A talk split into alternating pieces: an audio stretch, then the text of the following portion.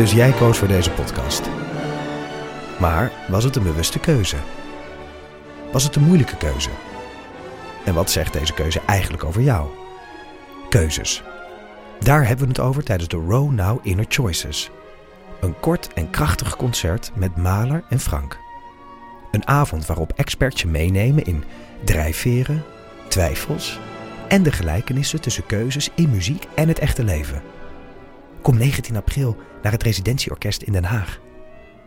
Een kaartje heb je al vanaf 20 euro. We leven in een wereld vol problemen. Het milieu gaat kapot. Burgers radicaliseren aan de lopende band. Poetin is een dictator, Biden is dement, Trump is een crimineel. En de tuin van Huberto Tan schijnt een zootje te zijn. Dus dit is het moment voor twee comedians, Vera van Zelm en Sander van op Zeeland, om de wereld te veranderen. Alles moet anders. Alles moet anders. Hij moet lopen. Ja, ik zet hem nu aan, oké? Nou, ik zie welk knopje het is. Ehm, Ik kan hem ook weer uitzetten. ja, je kan hem ook uitzetten, Ja. maar dat ga je lekker niet doen. Eh, ja, Joost, we zijn hier je boek aan het lezen. Oké. ik wilde net zeggen, we hoeven het niet per se over mijn boek te hebben of zo. Ja, nee, dat, dat snappen we, maar... ehm, Volgens mij, vorige keer dat ik hier was, toen heb ik alleen maar in een soort van apocalyptische doen denken voorspeld dat we dankzij het internet allemaal straks in grotten wonen, omdat de Ja. wereld verpest Oh ja. is. Ja. ik weet niet wat voor bui ik toen was. we zijn een stuk dichter Nu bij schijnt de die, eh, zon. Dit is volgens mij de eerste podcast die we overdag opnemen. Met daglicht. Ja. Ja, dat is in ieder geval lang Nu geleden. schijnt de zon en lijken grotten heel ver weg. Ja. Wat ik wil nou ook graag een straight answer geven op deze vraag. Eh, Ik heb je boek nog niet uit. Oké. Nee, ik ook niet. Oh. Maar eh Ipe stuurde me gisteren een berichtje. Dat boek van Joost is weer irritant goed. Daar sluit ik me volledig bij aan. Want ik heb wel heel veel zin om het uit te lezen. Oké. Dat is Nou, misschien eh, een soort van goed makertje voordat we het nog niet uit hebben. Wat we sinds oktober al hadden kunnen doen, volgens mij. Maar goed. Ja. Wanneer is het verschenen? Oh god, we zien de teleurstelling op zijn gezicht. ja. Eh, nee, het is in oktober. Ik reken niet jullie een beetje onder mijn vaste lezers, maar nu kom ik er dus langzaam achter dat zo vast die lezers niet zijn. Als, we, als jij het enige was wat we hoefden te lezen, Ja. dan hadden we dat zeker al achter de rug. Ja. Nou, en hebben is- jullie wel de schu- mijn scheurkalender al helemaal gelezen? Ja, die heb ik wel uit. Ah, Oké. Wa- er staat helemaal niet wie wat schrijft. Nee, dat, dat is... eh, ik heb samen met Marja Pruis en Kees Hart die kalender gemaakt. En dus we dachten van laten we niet eronder zetten wie wat heeft gedaan. Want dan... Ik las er net een over scholieren.web of zo. .nl, Scholierenweb. weet ik scholieren.nl. veel. Oh, die heb ik geschreven, denk ik. ja, toch? Ja. Nou, dat kon ik wel zien. Ja. Ja, we kunnen nu, er is ook een silver lining over dat we het boek nog niet uit hebben. Want nu kunnen we het de volgende keer er weer over hebben. Als we het dan wel Nice. uit hebben, Ja. snap je? Eh, en moeten we niet ook even zeggen voor luisteraars hoe en wat? Ja, zal ik dat nu doen? Oh, dat ga je nu doen.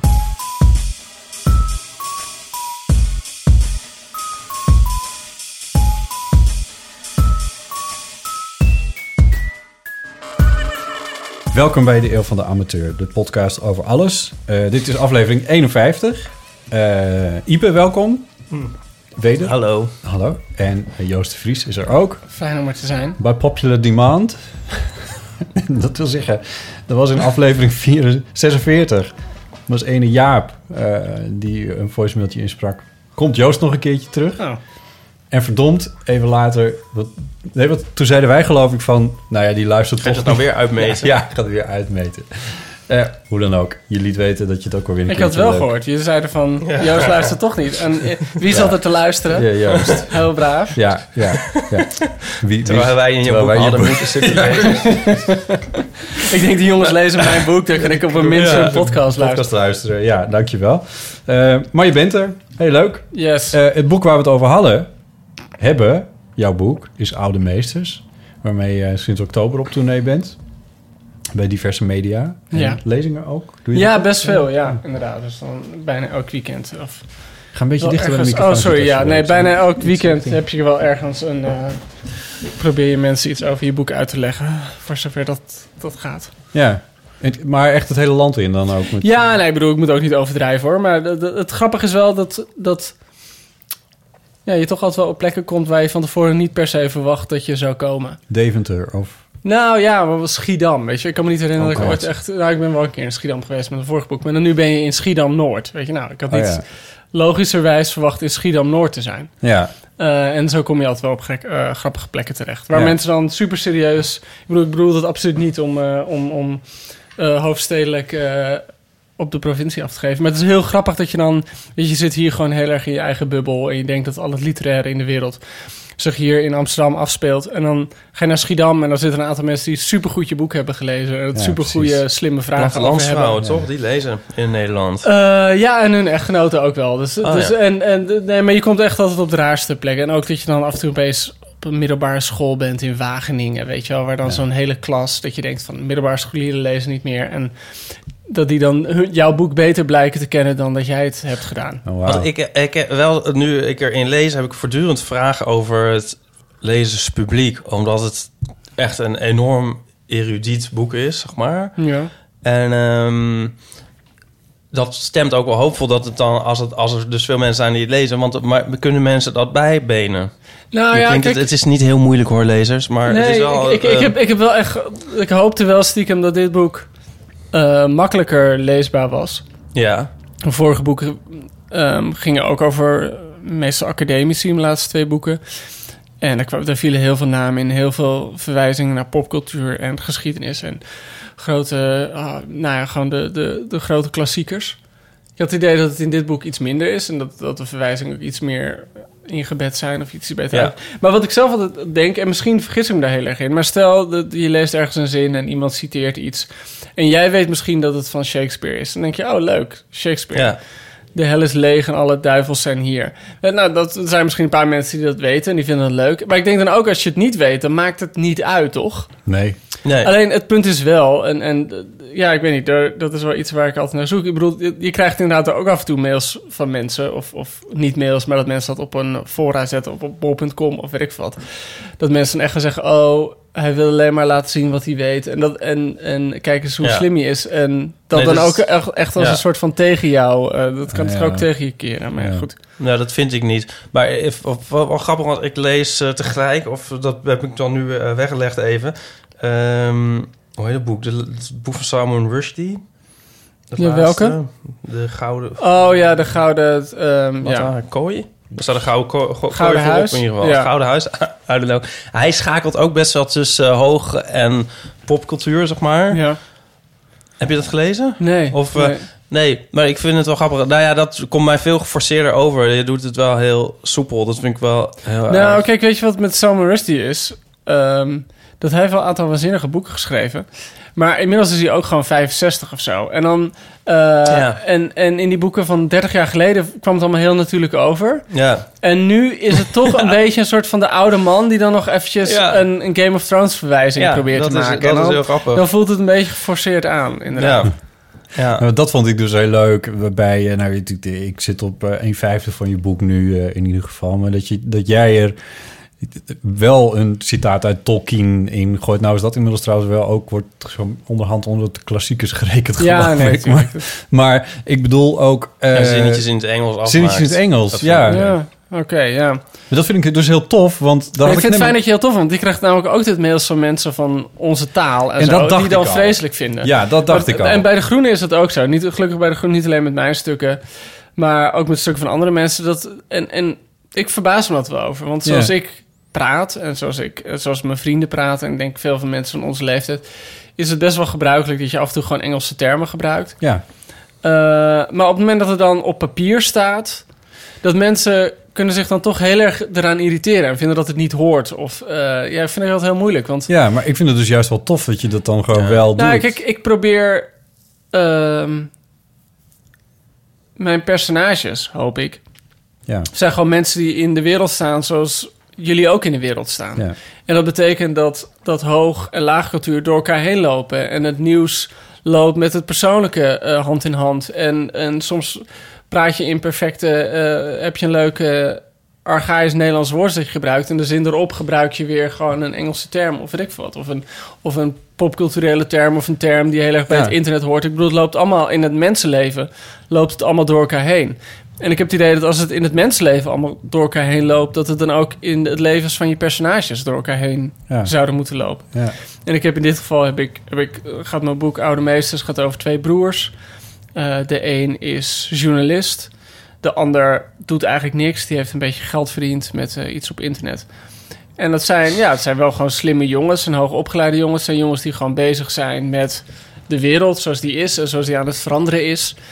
En ja, dat, het, het politieke en het persoonlijke loopt, denk ik... en het culturele loopt gewoon door elkaar heen. In, in ja, die, want en- ik heb net die scène gelezen waarin van de journalistenbroer eh, er een Sieger. oude, ja, Sieger, een, eh, een oude eh, collega net overlijdt. Die een, een oude eminente journalist die wel bekend is en toevallig overal bij was. Zoals 9-11 was hij bij Ja. en, en toen het eh MH17... Als een soort halve Zelstra. Was Als een halve Zijlstra was hij Eh, wat zou ik nou vertellen? Oh ja, die begrafenis daarvan. Die man is overleden en, en gaat naar die begrafenis... en die echt zich helemaal dood aan de toespraken erover. En dan, en dan schrijf je op eh, van... Je hebt... eh, ik ben even vergeten, die man heeft een complexe naam. Fidelius. Fidelius. Je hebt Fidelius de man en je hebt het verhaal van Fidelius. En dat vergelijk je... Never the twain shall meet. Ja, Ja. bijvoorbeeld, dat is een Ja. mooi Engels zinnetje wat daar, dat, wat daar komt. Maar, eh, maar ook die, die, eh, eh, de vergelijking met de journalistiek. Omdat die Fidelius zelf 9-11 heeft meegemaakt. Hij zat in een taxi dan terwijl dat gebeurde. En hij zag een soort, een soort schaduw en dook weg en zo. Dus hij heeft dat meegemaakt.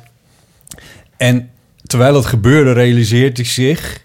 Hij belt geloof ik met iemand, dan realiseert hij zich van... dit is nog niet het verhaal. En het verhaal moest nog komen.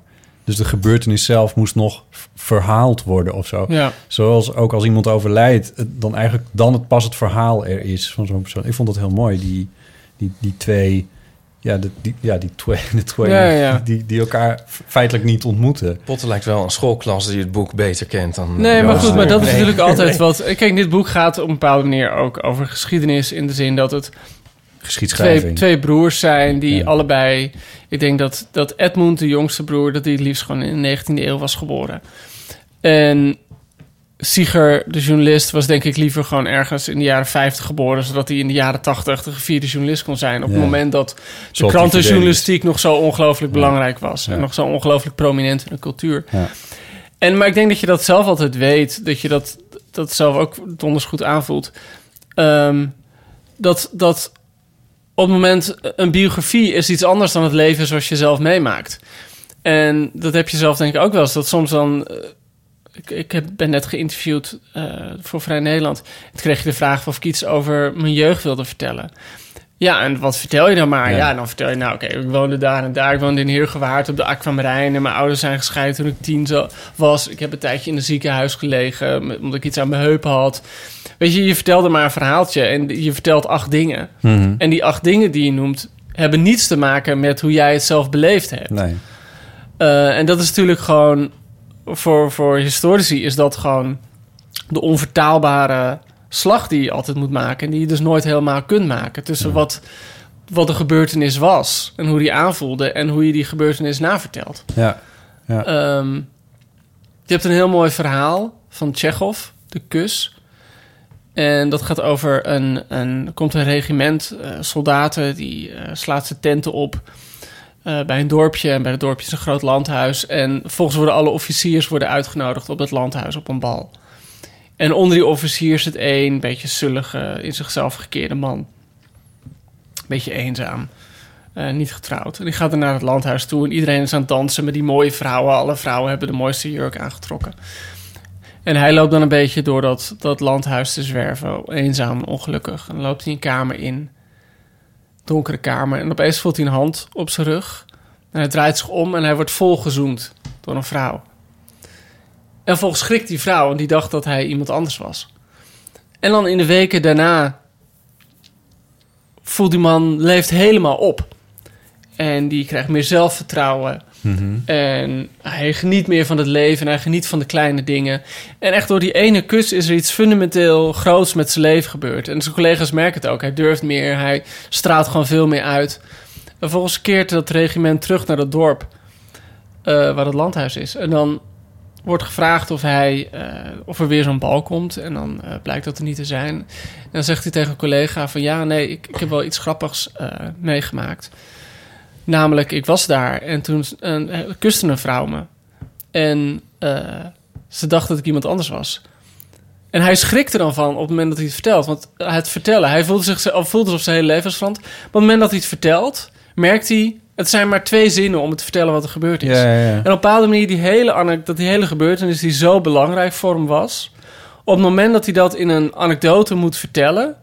blijft er eigenlijk niks van over. Nee. En ik bedoel, dit, dit is een, misschien een extreem voorbeeld hoor. Maar ik denk dat dat, dat dat natuurlijk gewoon heel vaak zo aanvoelt. Dat is het verschil tussen de gebeurtenis en het verhaal van de gebeurtenis. Ja.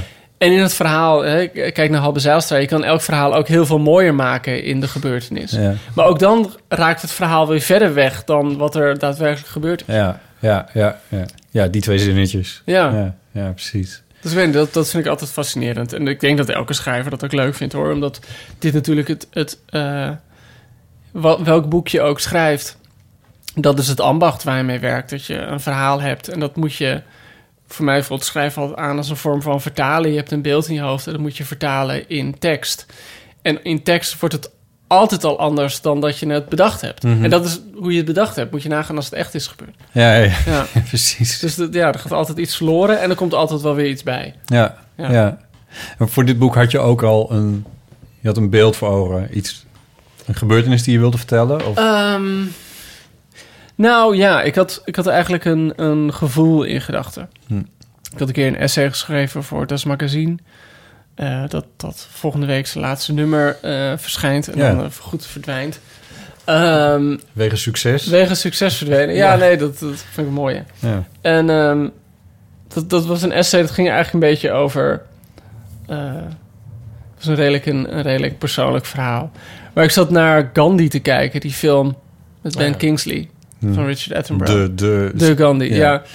En toen betrapte ik me erop dat ik het vond dat die Engelse paleizen er zo mooi uit. Dat waren dan de kolonisators. Maar toen opeens betrapte ik me erop dat ik gewoon zo'n heimwee kon hebben. Nou, ik dacht van, goh, was alles niet in de 19e eeuw veel mooier dan dat nu is. En ik bedoel, dat is ook zo'n gevoel dat je denk ik wel eens hebt als je door, door Regent Street loopt in Londen... of door ja, Boulevard Saint-Germain in Parijs... Of, of gewoon door Amsterdam heen. Ja. Dat je echt denkt, wauw, gaat het ooit nog zo mooi worden als dat het vroeger was?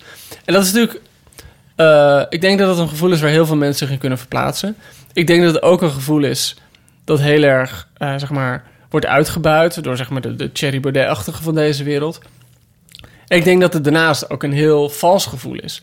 Want inderdaad, het is denk ik, ik als, als, als eh, blanke, heteroseksuele, eh, hoogopgeleide, eh, redelijk wel, wel, welvarende man in de 19e eeuw moet heel lekker zijn geweest. Maar was je vrouw geweest, of homo, of zwart, dan had je het een stuk moeilijker gehad. Ja. Dus ik bedoel, het is, het is zo'n soort van fantasie die- waarvan je eigenlijk weet dat die vals is. En tegelijkertijd voel je hem wel. Ja. Dus ik, ik had een beetje in mijn hoofd om daarover te schrijven. Over mensen die het gevoel hebben van... is dit wel mijn tijd? En tegelijkertijd, ja, het is je tijd, want je bent geboren... je kan er niks anders mee. Nee. Dus dat is denk ik een beetje voor, voor beide personages. Want, eh, wie, eh, Sieger of Edmund, welke heeft dat ook weer? Edmund heeft het vooral heel erg. Want je hebt er ook een soort schuldgevoel toch eigenlijk bij? Ja, nee, want aan de ene kant, hij voelt zichzelf ook bespottelijk, denk Ja. ik. En het boek begint ermee dat hij door Malta loopt. En dan stelt Ja. zich helemaal voor dat hij in de 17e eeuw door Malta heen loopt... en hoe prachtig dat moet zijn. En verzint hij dan ook allemaal verhalen Ja, bij. het is echt zo iemand die er graag verhalen bij verzint. Het is echt een dromer. Ken je dat eh, essay van eh, Rudy Kousenbroek hier ook over? Maar die, die heeft het wel meer soort in positief eh, over. eh, hij, hij doet het dan aan de hand van de verwoording van het NS-logo. Oh, Oké. Dat vroeger een heel mooie wiel was met vleugels. En daarom nu werd het soort ja. van... Ja, en Ja. dan heeft hij het over dat treinen vroeger een soort rijdende paleizen waren en zo. En hij zit heel erg in dat romantische idee van... oh, vroeger was alles mooier, hoe Ja, kan dat nou? Nee, ken ik niet. Nee, Maar- ik nou, dat ik je nee, ik ga- ik Nee, nee, ik-. Ehm, dus, dus, dus dat was denk ik het gevoel waar ik dat boek mee begon. Van ik wil erover schrijven hoe het is om eh, je niet helemaal thuis te voelen in de tijd waarin je geboren bent. Ja. Het is prachtig, vervolgens- omdat hij Em- Edmund dan inderdaad steenrijk is geworden met een internetdingetje, zoals je Ja, dat, zegt. dat bijna alles Wat bij deze tijd hoort. Ja, totaal. Ja. Ja. En, en eh, hij is rijk geworden met een app. Waar hij Ja. toevallig bij werd, dat hij werd bedacht. En Ja. kreeg een paar aandelen. En dat is allemaal goed gegaan. Dus dat was een beetje dat dilemma. Van hoe verhoud je tot een wereld die niet helemaal de jouwe is. Ja. Ehm, en dan volgens moet je natuurlijk een plot gaan bedenken en moet je dingen gaan gebeuren. En, Ja. en zodoende had ik wel snel het idee in mijn hoofd dat ik twee verhalen had van die ene broer, Sieger. En dat gaat veel meer over dat hij een journalistieke scoop heeft. eh, zijn krant waarvoor werkt, is aan het, eh, is aan het restylen, zoals elke krant, krant permanent restylt. En dat vindt hij eigenlijk me vreselijk. Eigenlijk wil ik gewoon de, de 20e eeuwse Kuifje. pagina grote krant wil hij terug. Ja. En een beetje als kuifje de wereld rond. Ja. En eh, dus hij heeft een scoop die besluit hij voor zichzelf te houden. En dat wordt iedereen helemaal gek van. En aan de andere kant heb ik een broer. En eh, de andere, zijn broer, zijn jongere broer, is dus Edmund. En die raakt eigenlijk via de ex van Sieger betrokken bij een tv-serie. Een soort Game of Thrones-achtige tv-serie. Die zich helemaal in het verleden afspeelt zoals hij dat zou willen zien. Ehm, dus ik, ik wist dat ik die twee verhalen had en dat die elkaar de hele tijd zouden afwisselen. Ik wist ook dat de broers elkaar pas helemaal op het einde mochten ontmoeten. Spoiler. Nou ja, goed, maar gewoon, de- dat ze elkaar ontmoeten is één ding. Ik bedoel, ik zeg niet wat er gebeurt. Dus ik wist een paar dingen, maar eh, gek genoeg... Ik kan er nooit tegen in fictie. Als, als, ehm, of dat, als, je, als je dus dan zit je erin en dan is het volgende hoofdstuk en dan, oh god, nu moeten we weer naar het andere. En dan moet je daar weer even inkomen. Dan moet je weer naar het andere. Dan moet je de, als een soort wisselbaden. Oh. Ja, maar ik, ik, ik, heb wel, ik heb wel geprobeerd om het... eh, want ik ben het wel met je eens. Soms heb je wel eens met verhalen... eh, Maar, eh, Ja, ik kan er niet tegen zo overdreven, maar je moet al steeds Nee, switchen. En dan, ja, het oké. eh, nou, ja. ik, ik heb het dus geprobeerd dat, die, dat ze het elkaar redelijk vlot afwikkelen. Ja. Dus het is niet zo dat je opeens 100 Nee. pagina's de ander Nee. krijgt. Ik heb bijvoorbeeld laatst een boek gelezen van... van ehm, ehm, nou ja, zeg Ellen Hollinghurst. Oh ja. Eh, en, en die heeft dan steeds van die, van die boeken, zijn laatste paar boeken... die spelen zich dan zo over 50 jaar af. Ja. En dan elke keer met zo'n sprong in de tijd van 15 jaar. En dan ben je elke keer weer 80 bladzijden aan het uit ontdekken wat er ook weer aan de hand is. En dan, oh, dank je, en dan, krijg je weer, oh god, ja, dat. ja. Dus daar moet je inderdaad een beetje voor oppassen. Ja. Maar voor mij om te schrijven was het heel fijn, omdat dat zeg maar eh, het, het, het verhaal van Sieger is redelijk plot-driven en Ja. wat, wat hoop ik spannender. En het verhaal van Edmund is meer een beetje grappig en filosofisch. Dus voor mij was het heel fijn dat ik bij het Ja, schrijven ja. kon afwisselen waar ik net Ja. zin in had. Ja. Ik heb Nee, net als lezer ik- moet je er gewoon natuurlijk allemaal doorheen. Dus ja. Ja. Je- als je, ja, eh, sta je ervoor, dan moet je er door. Nee, ik, ik, ik heb net gelezen die eh, scène dat ze dat het idee voor dat nieuwe katern Oh ja. ontvouwen. Ehm, en eh, dat vond ik heel erg grappig. Sigurd zit op de, is op de krant en die krijgt dan inderdaad te horen dat er een... Ja, ik pitch hoef het jou niet uit te leggen Ja. Ja, ja, ja. ja, en hij krijgt een pitch voor een nieuw katern. Ja, En dat katern, het is een zeg maar kwaliteitskrant. Dus Ja. Ik noem niet welke krant het is. Je kan natuurlijk de NRC in herkennen. En die komen dan met een katern en dat heet de, de, hart, de HNZ. de Dat wordt- dat hart dan- ziel of De, de... de Hazes wordt de HNZ, dus de Hazes wordt ja, genoemd. ja. Het grappige is dat ik het echt zo bedacht. En dat ik, het, dat ik ook heel blij was met mijn grap. Dat er dan een krant is met een katern dat de Hazes heet. Maar dat ik inmiddels eh, gaandeweg dacht van... Oh, wacht, ik kan me eigenlijk oprecht wel voorstellen... dat, er Dat nu- iemand dit dat het. Algemeen Dagblad gewoon met de Hazes komt. Het zit zo dicht op alles dat het, dat het heel grappig is. Maar ehm, ik zat nog te denken van, eh, ja... Kunnen we ooit nog een sleutelroman over jouw eh, tijd in de universiteitsjournalistiek Oh ja, verwachten? dat zou, dat zou een mooi zijn, een Ja. mooie zet zijn. Ja, mijn gouden jaren bij het U-blad. Ja. Eh, ja, waarin ik als, als kuifje bij eh, de universiteitskrant begon. En eh, die, die heel erg werd gedomineerd door de aanwezigheid van een fotostripmaker. Die elke, elk nummer de halve achterpagina in beslag nam. Eh ene Ipe Driessen. Ja. Ja. Dan ging, je, dan ging je lange verhaal. Nee, het kan niet langer. Ja, ik weet wel nog dat ik gewoon bij het U-blad begon. En dat ik gewoon nog voordat ik mijn eerste stagedag had... dat ik wel dacht van ik moet wel gewoon zorgen dat ik in die fotostrip kom. ja, dat is heel goed. Dat heb je ja, al gezegd, dat is ja. gelukt. Ja, Dat is gelukt. Ja, ja, ja, ja. daar ben ik heel trots op. Ja, nee, heel goed inderdaad. Ja. Ik, ik, ehm, Het is wel dat ik me altijd nu steeds meer een oude lul vind. Omdat we inmiddels in jouw fotostrip die je maakt voor, voor het U-blad, dus Ja. drie hoog... Ja, wel inmiddels iets van de vierde generatie of zo is een ja aanbeland. vijf of zo denk ik. Ja. Ja. Dat is wel gek, hè? Ja, je acteurs bedoel je, ja. ja, ja. Ja. Ja. Ja. Ja. Eh, ja. Alles, nee, ja. Wat kun je erover zeggen ook verder? Maar zeggen, ja, nee, ik vind het verbazingwekkend dat ik het al zo lang doe, maar ehm, dat er nog steeds blijkbaar grapjes zitten in dat. Studentenleven. studentenleven. Ja, Ja, natuurlijk. Ja. ja, maar gelukkig veranderen er ook wel... We leven natuurlijk in tijden waarin er echt heel veel, heel snel aan het veranderen is. Ja. Dus wat dat betreft, als, als cartoonist, als grappenmaker, is Ja. er wel een hoop aan de hand. Dat is waar. Ja, en op een universiteit gebeurt altijd van alles. Ja. Zoals nieuwe Ja. Maar ik vind dat dus... ja. die gekozen moeten worden, dat soort shit. Ja. Nou ja, maar ook gewoon Me Too en noem maar op. Dat Ja, is ook allemaal kun heel dat erg op de... Dat is, het fijne van, Maar de, de, de eeuwige student bestaat niet meer zo erg. Nee, dat is, wel grappig inderdaad. Want in het begin was het, kon je ze veel langer houden, zeg maar. Nu zijn ze na drie jaar... Is, er zijn gewoon amper studenten die langer dan drie jaar bezig zijn. Dat ik in Utrecht ging studeren, toen hoorde ik het verhaal dat er een tiendejaars student was bij het Ja. koor. En dat je dan, eh, als je tien jaar student was, dat je met je paard naar de vereniging mocht komen. dat het een hele oude regel was. En dat die jongen dat ook gedaan had. Maar nu kan je, dat in, nu kan je Nee. geen tien jaar student meer Nee, zijn. nee. nee. Nee, nee, nee, dat hebben we niet meer. Nee. nee. Misschien wel goed om te zeggen dat we gewoon nog wel in dit millennium op de universiteit zaten. Dat mensen niet denken dat we, dat we Nee, zo precies, oud zijn. ja. Dat we nog echt... eh, Ja. Dat is nog echt waar ook. Ja, Gelukkig. voor mij ook. Ja. Ja. ja. Hey, we hebben een Anyway. rubriekje, dat heet eh, de, de, de krant van drie maanden geleden. En doorgaans doen we dat een beetje op het laatst. Maar omdat we nu toch een beetje over journalistiek hebben en zo... eh, dacht ik misschien is het wel aardig om dat nu te doen. Oké. Ehm, en in die rubriek kijken we altijd even wat er drie maanden geleden in de krant stond. eh, om te kijken wat er nu nog van beklijft. En in ons geval, het is nu eh, 16 februari... kijken we dan dus terug naar de krant van donderdag 16 november. Eh, en ik heb een, een, een stuk of zes dingen opgeschreven... eh, wat die toen in de krant stonden. Ja, ik heb, er niet, ik heb het niet allemaal uitgezocht, Oh, sorry. rustig. Maar nee, nee, k- even kijken bij wie dit wat Oké. bij wie dit wat Oproept. oproept. In het kader van of het is eh, bekleven. Het was de dag dat eh, in Zimbabwe duidelijk werd dat eh, Mugabe moest aftreden. die machtsgreep. Ja. Ja.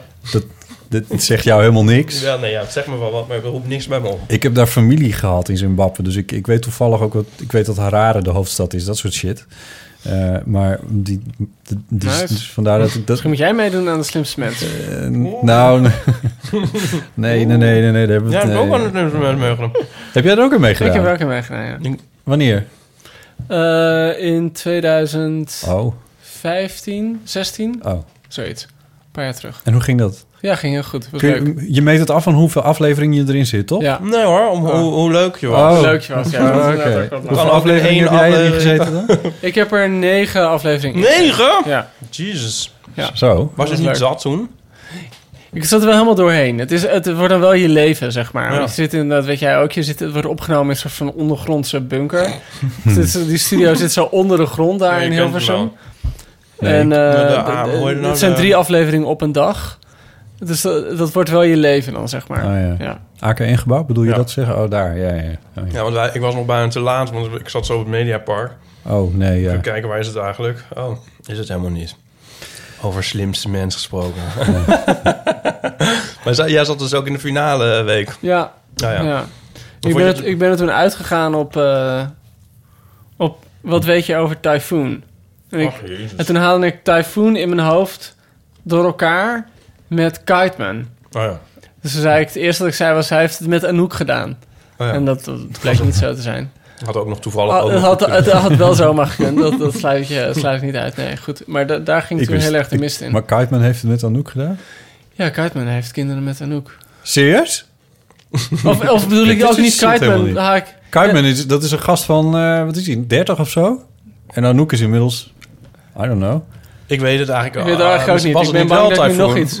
ja, ik ben bang ja. dat... Ja, Kiteman. zal, nou ja, Postman. Ik bedoel Postman. Postman. Oh, Ik zei Postman, ja. Kiteman. Ik bedoel, ja. ik bedoel Postman. Sorry, zie je? Dat, ik moet het gewoon moet niet over dat Popcultuurreferenties, nee, dat Nou ja, is... niet, ja. Op, op- als het op hiphop aankomt, dan ben ik eh, nergens. Eh, Nee, ja dat, oh, ja, dat begrijp ik wel. Het was ook de dag, eh 16 november, dat de laatste Da Vinci, zo wordt hij genoemd, voor 380 Oh, ja. miljoen euro is geveild. Ja. En ik herinner me dat daar nog wel een hele discussie uit voortkwam... hoe het nou eigenlijk, waar het met de, kunst naartoe gaat... als het allemaal zoveel geld gaat eh, kosten.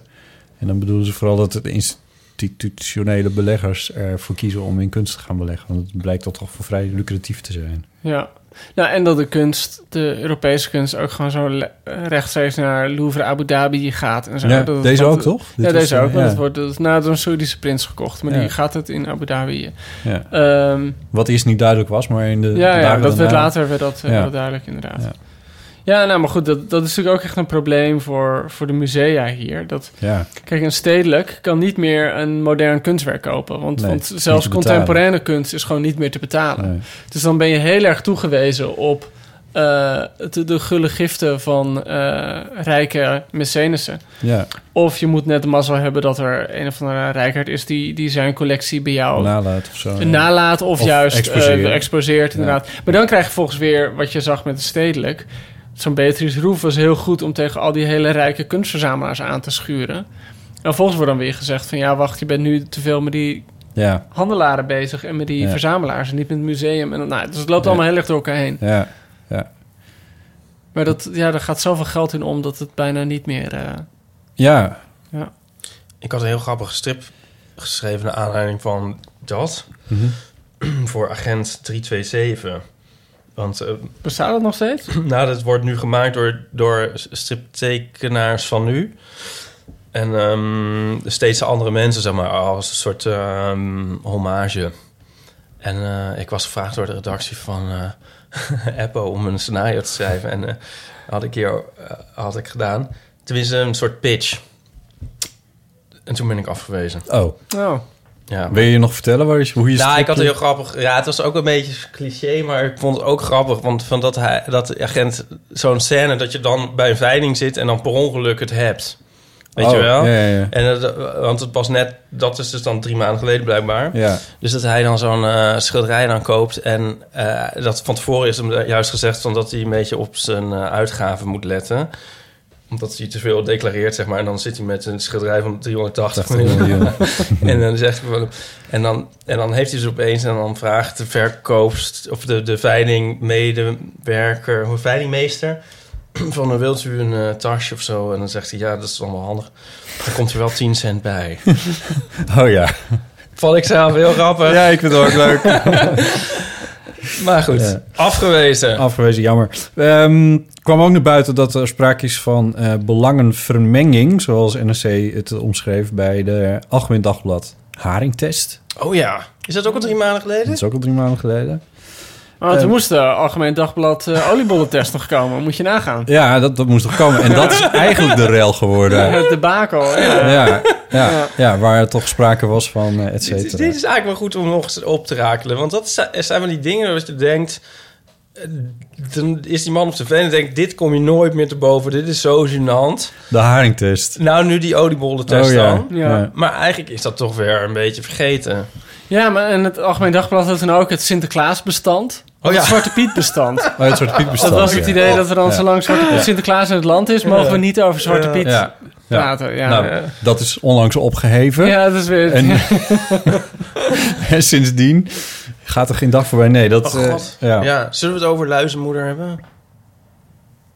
Ja, Oké. Kijken jullie dat? nee. Ik vind het een grappig bruggetje. Of het was ook geen bruggetje. Het was Dat eigenlijk is een gewoon bruggetje. Oké. Want ze hadden een afle- de laatste aflevering, denk ik, over Winterklaas. Oh, Oké, vertel. Eh, dan stelt de directeur daar op school voor om in plaats van Sinterklaas Winterklaas te vieren. Met, en dat is dan een soort eh, man in. eh, die woont op, dat is de neef van Sinterklaas, die woont op de Noordpool. En die heeft zijn helpers, dat zijn dan ijsberen.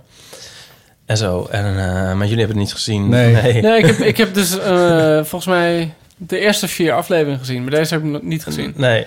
Maar ehm, ik, vind dat heel, ik vond het heel grappig. Ik vind het dus heel grappig. Oké. Echt waar? Ja. Oké. En het is, ehm, ja, ik durf het al bijna niet hardop te zeggen. Maar ik vind het, het is dus heel zelden dat iets, dat ik iets heel erg leuk vind, dat dan ook zo'n, zo populair is. Het is altijd een beetje een vreemde gewaarwording. Zeg maar net als dat je... Ik word ehm, altijd heel erg wanend van. Ja, daarom. Ja. Toch? Dan denk je, want Ja. dit kan eigenlijk niet goed zijn. Want dit, zijn- zoveel mensen vinden dit leuk, dit kan niet goed zijn. NOS schreef er een week lang over. Toen dacht Ja. ik, nou, ja, laat Ja. maar. Ja, ik moet er wel echt om lachen. Ja, oh. Het is het heel is- soms is er ook is een hit, weet je wel, een liedje Ik dat je echt het. heel Ja, leuk vindt. Dat je denkt van, hè, dat kan toch bijna niet dat het een hit dat ik dat, het blijft, dat ik dat leuk blijft vind. gewoon een lekker nummer. Ja. Wel, Get Get Lucky. Ja, ja, ja. Eh, nee, luistermoeder. Het is, het is, ik, wat ik wel grappig vind, ik vind het inderdaad, het is gewoon voor Nederlands te doen, is het ook gewoon heel goed gedaan. Ja, Weet je wel, je hebt heel vaak dat het een beetje knullig is. En dat is het nu helemaal niet.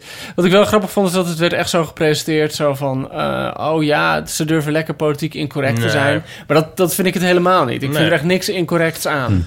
Ik bedoel, als er dan een keer een grap... kom- ja. Als, als er dan een keer zo'n grap wordt gemaakt... dat ze dan een zwarte vader voor de conciërge aanziet... weet je, er wordt meteen ook weer 6000 keer sorry over gemaakt. Dus ik bedoel, het is, het is ook niet dat het... Ja, het, het toont een ongemak, maar bied daar Ja. volgens zo zijn excuses voor aan... dat Ja. het ook weer gewoon... ehm, Nee. ja.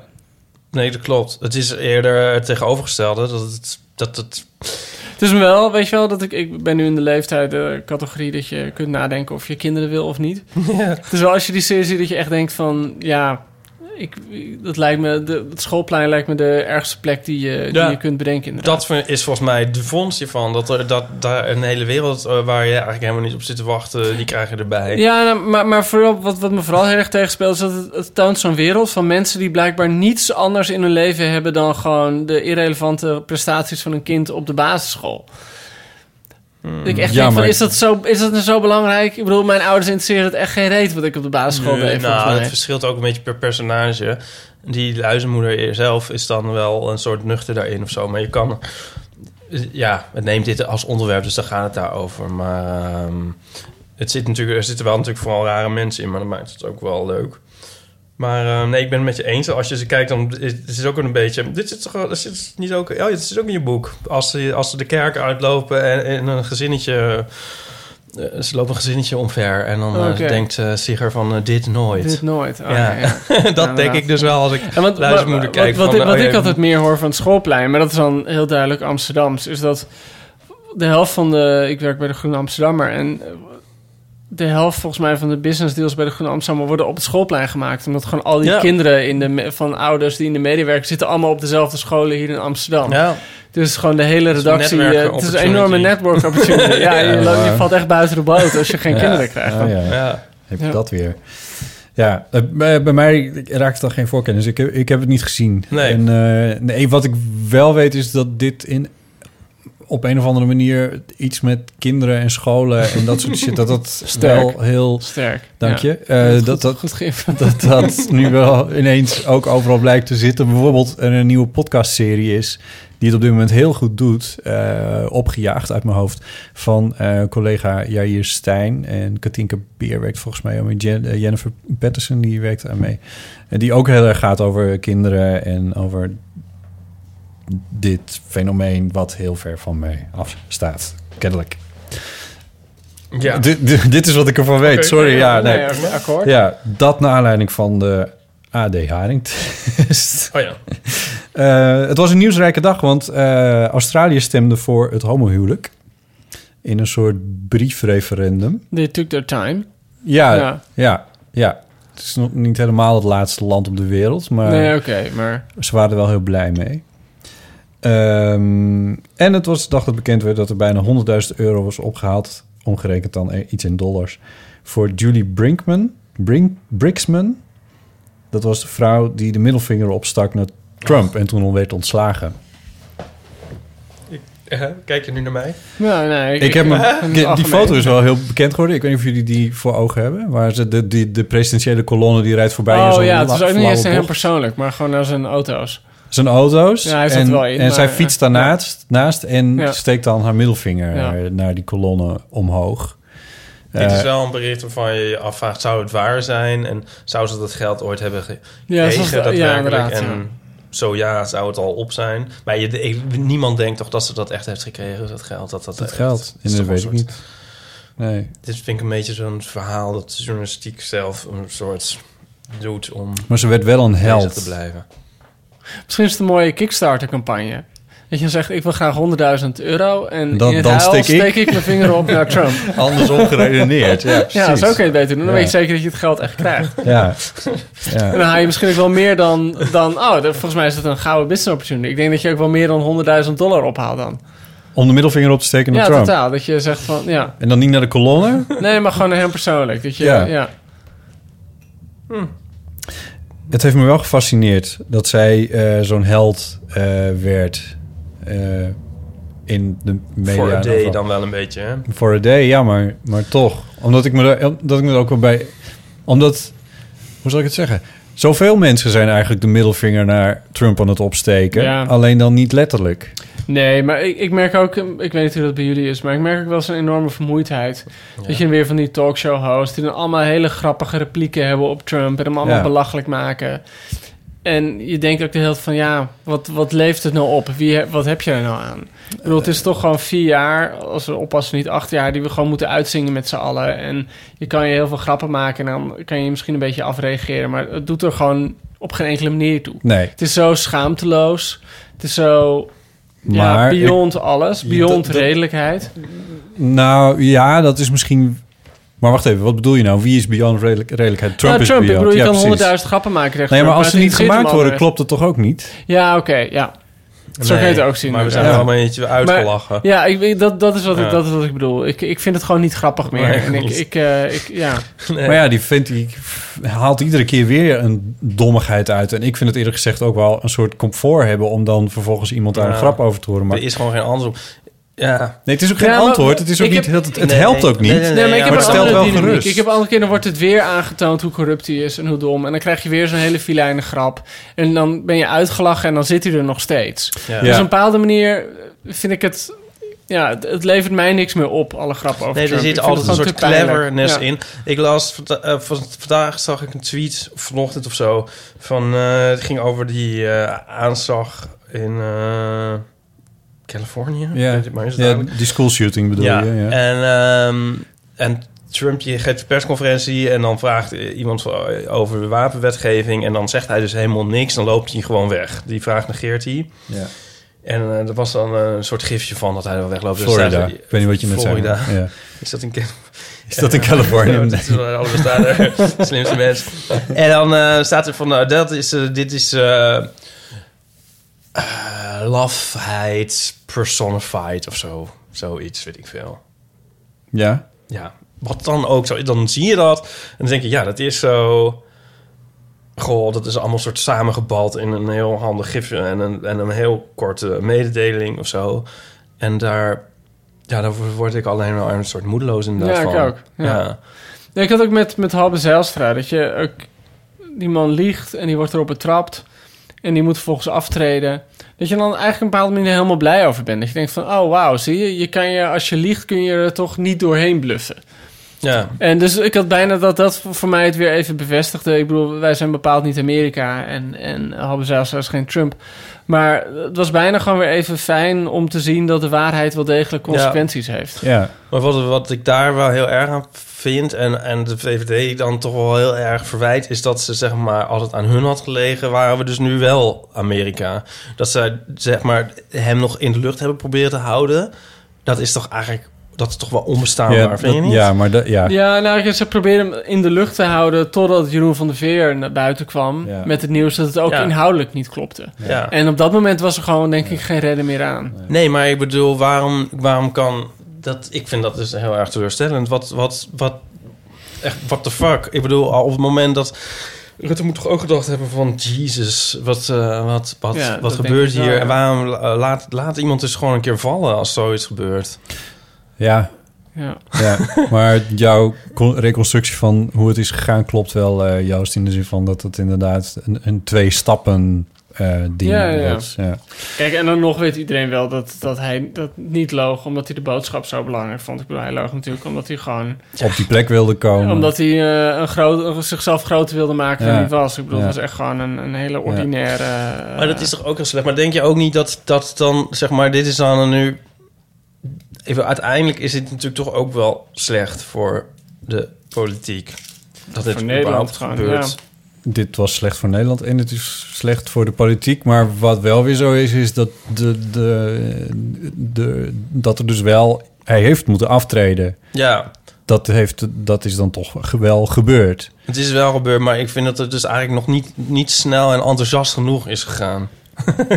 ik vind dat Ja, ja. eerder dat ik dan denk van de volgende keer denkt iemand met een net iets mindere leugen van nou dit is nog net dit is nog niet niveau halve dus misschien haal ik het hiermee wel. Nou, wat, wat soms een beetje Ja. eh cru eraan is, is dat dan zo'n politicus aftreedt en dat de andere politici dan zeggen van ja, het is logisch dat hij op moet stappen, maar ik vind het wel heel persoonlijk, vind ik het heel Ja. erg voor hem. Ik echt denk, dat ja, had maar ik helemaal niet. dit, nee. dit is gewoon, ik bedoel, het heeft niks Ja. met persoonlijk te Nee. maken. Iemand maakt gewoon een fout en dit zijn de consequenties. Ja, ja. En het is niet een fout dat hij maakt van, oh, ik zag eh, dat Nee. bordje niet. Ik zag het pa- eh, Nee. dat paaltje achter mijn bumper zag nee, ik niet. het was een actieve Nee, het is, leugen. het is een actieve leugen. Het is echt iemand die willens en wetens Ja. de waarheid heeft verdraaid. Ja. Nou, Hey, ehm, ik heb nog een, eh, een stuk of wat ehm eh, voicemail berichtjes op onze eeuwofoon. Hadden we die al toen jij de vorige Nee, keer toen was? hadden we nog nee, geen dat is- Dat is bijna een jaar geleden. Ja. Ik denk, nee, toen hadden we hem nog niet. Maar die, heb ik, die hebben we nu wel. Eh, Van wie zijn die? eh, van mensen die hebben ingebeld, van onze luisteraars. Eh, een stuk of vier. Ehm, en ik heb nog een vrij lange... Zijn die, zeg maar, zijn het wel gewoon echte... Of zijn het zijn geen obscene eh reaguurdersberichten? Nee, nee, er zijn... Er zijn nee, nee, nee, het is allemaal echt in het nette. En dingen waar we het over hebben gehad... of, ehm, eh, of die ons voorgelegd worden als kwesties. Nou. Want daar roepen we toe op. Van, eh, je kan eh, doorbe- levenskwesties kun je doorbellen. En dan praten we erover, omdat wij soms dingen weten. Ja. Eh, en soms ook niet. Dat En er heeft ook iemand gemaild met een vrij lange eh, mail. Zullen we die eerst eh, doen? Of, of Graag. Je, graag hoor ik daar. Jij, ja, jij kijkt altijd een beetje moeilijk. Een dus- eh, oh, ja, die hebben- zijn we helemaal overgeslagen. Oh, ik wil ook, ja. God, nou, weet je, we slaan hem deze keer gewoon over. Doen we de we volgende keer weer, ja, dan blijft dat ook Ik kan vers. ook nog verslag uitbrengen over een aflevering van 1 tegen 100 uit oktober Ja, 2001. nee, natuurlijk. Ja, want... ehm, we- ja, dat doen we eventjes. Ik Want alleen de brief heb ik weer thuis laten liggen. Ja, we hebben het over Geeske. Geeske, onze trouwe luisterares uit Leeuwarden. Die, eh, die, heeft jou, die heeft ons twee maanden geleden per post een dvd gestuurd. Die heb ik aan jou gegeven. Het duurde twee maanden En om dat- aan praten. Eh, Hoe, hoe is het? Want dat lukte niet, maar nu dus wel. Ja, op een knopje gedrukt. Heb je op een knopje gedrukt? Maar... eh, ehm, Jij woonde samen met een computer scientist. Ja, Oké, nou ja, oké. ja. Het, wat, het- dus ik weet niet of, jij of, eh, of jij dit allemaal hebt gevolgd... of je altijd luistert... maar we hebben het dus wel eens over 1 tegen 100 gehad. Ja, ik een weet- programma dat nu ja. van de Nederlandse televisie dreigt te verdwijnen. ja, dat was nieuws van de afgelopen week. Ja, maar eh, dat zullen we wel zien hoe dat afloopt. Maar Want dat is Ehm, jouw lievelingsprogramma. ja, ik, nou ja, ik, ik- ja, dat is een heel leuk programma. en, eh, en toen zei dus Geeske, onze eh, vaste luisteraar... van, eh, goh, ik heb daar wel eens aan meegedaan. Dus toen zeiden wij, nou, dat zouden we nou zo graag eens willen zien. En lo and behold stuurde zij een dvd met haar deelname. En... ehm, het mooie is dus dat hij... Er zat ook een klein schrijven bij, dus ik moet dat een beetje parafraseren. Maar ze zei dat het een beetje gekke sfeer was in de studio... want het is allemaal opgenomen in oktober 2001. En, eh, Vlak na september 2001. Ja. Eh, en het, het voelde op de een of andere manier eh, wat gek, geloof ik, daar... om dan, zeg maar, daarmee bezig te zijn in een Ja. toch een beetje... In die nadagen was dat natuurlijk... Ja, dat snap ik wel. Ja. En... ehm, nou ja, het duurde dus even om de DVD aan het praten te krijgen, maar toen lukte dat. En het was... ehm, ja, het is grappig dat je dan 2001 en dan... De, het ziet er dan ook meteen uit als 1985. Dat is altijd zo stom. Omdat je letterbox hebt in plaats van... eh, Nee, maar ook oh. gewoon het decor en het haar Oh. en zo. Oh, en dat ziet er toch wel hele uit. grote kleren. Of zo? Dat Ja, allemaal toch? ja, ja. En, en ik, weet je waar ik dit ook heel erg mee heb? Altijd met kranten, zeg maar. Als je dan zeg maar een krant eh, van tien jaar geleden of zo pakt... dan lijkt het alles alsof het 30 jaar geleden is. Het ziet er veel sneller ouder uit dan het is, zeg maar. Qua opmaken, Ja, lettertype nou, ik, en ik zo. moet zeggen, soms... Ik had laatst dus een groene uit eh, van, van tien jaar geleden in mijn handen. Ja. En ik dacht, yeah, wat een supermooi blad. Oh ja. Gewoon omdat het dan op een bepaalde manier heel gedateerd is. Maar dan wel gewoon mooi gemaakt. Dus op zo'n manier gedateerd... dat Ja. het dan bijna hip is Ja, Dat je echt denkt van... wauw, als je dit nu zou lanceren... Dan zou iedereen... eh, zou het meteen een hipsterblad zijn. Ja. nou, misschien hebben ze de- het stramien nog liggen. Nou, dit kunnen we ook zeggen van, dan weer van de trui van Geeske... die ze aan heeft in de uitzending. Want die is dus wel echt helemaal super. Daar gaat het ook heel lang over.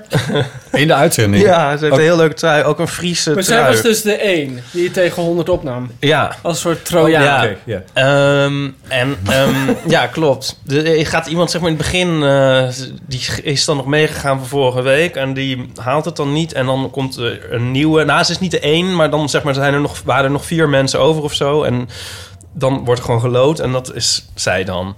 En, ze, en dan zit ze in een decor. En dan, dat is ook heel grappig, dat gaat dan helemaal omhoog. Voor niks.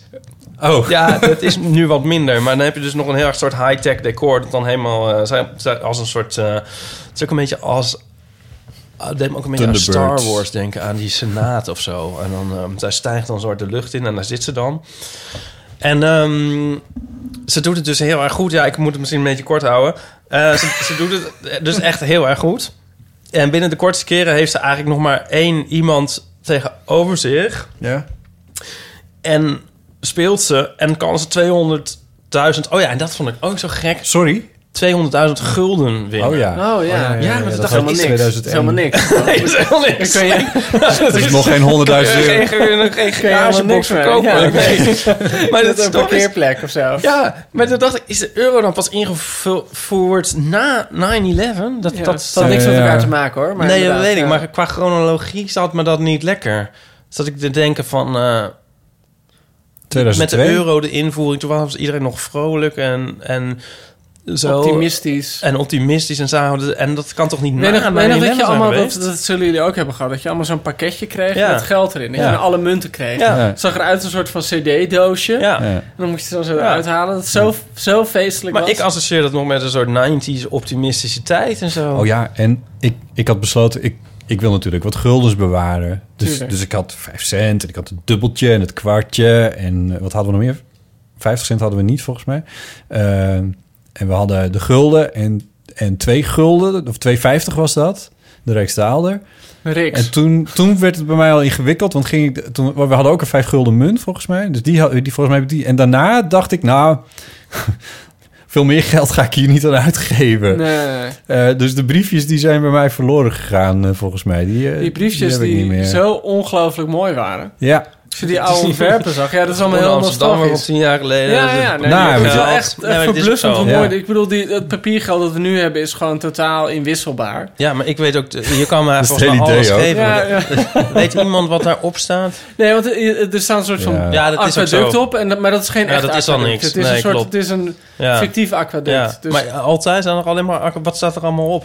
Ik bedoel, toch niet op allemaal staat een aquaduct? nee, nee, dus er staan verschillende... dingen. Ja, jeetje, weet ik veel. Ik Nee, maar dat weet dus niemand, mee. wel? nee, nee, Dat is toch gek? Nee. Maar, maar ik heb dat tientje nog voor ogen, ook omdat dat nog in de laatste jaren nog een keer vernieuwd werd. En 25 eh, gulden heb ik nog voor ogen. En de snip Ah, die natuurlijk. 25 was mooi, die roze rode. ja, die was prachtig. En Ja, de, de snip was mooi. en snip Ja. was mooi. De vuurtoren, 250. Ja, Ja. ja.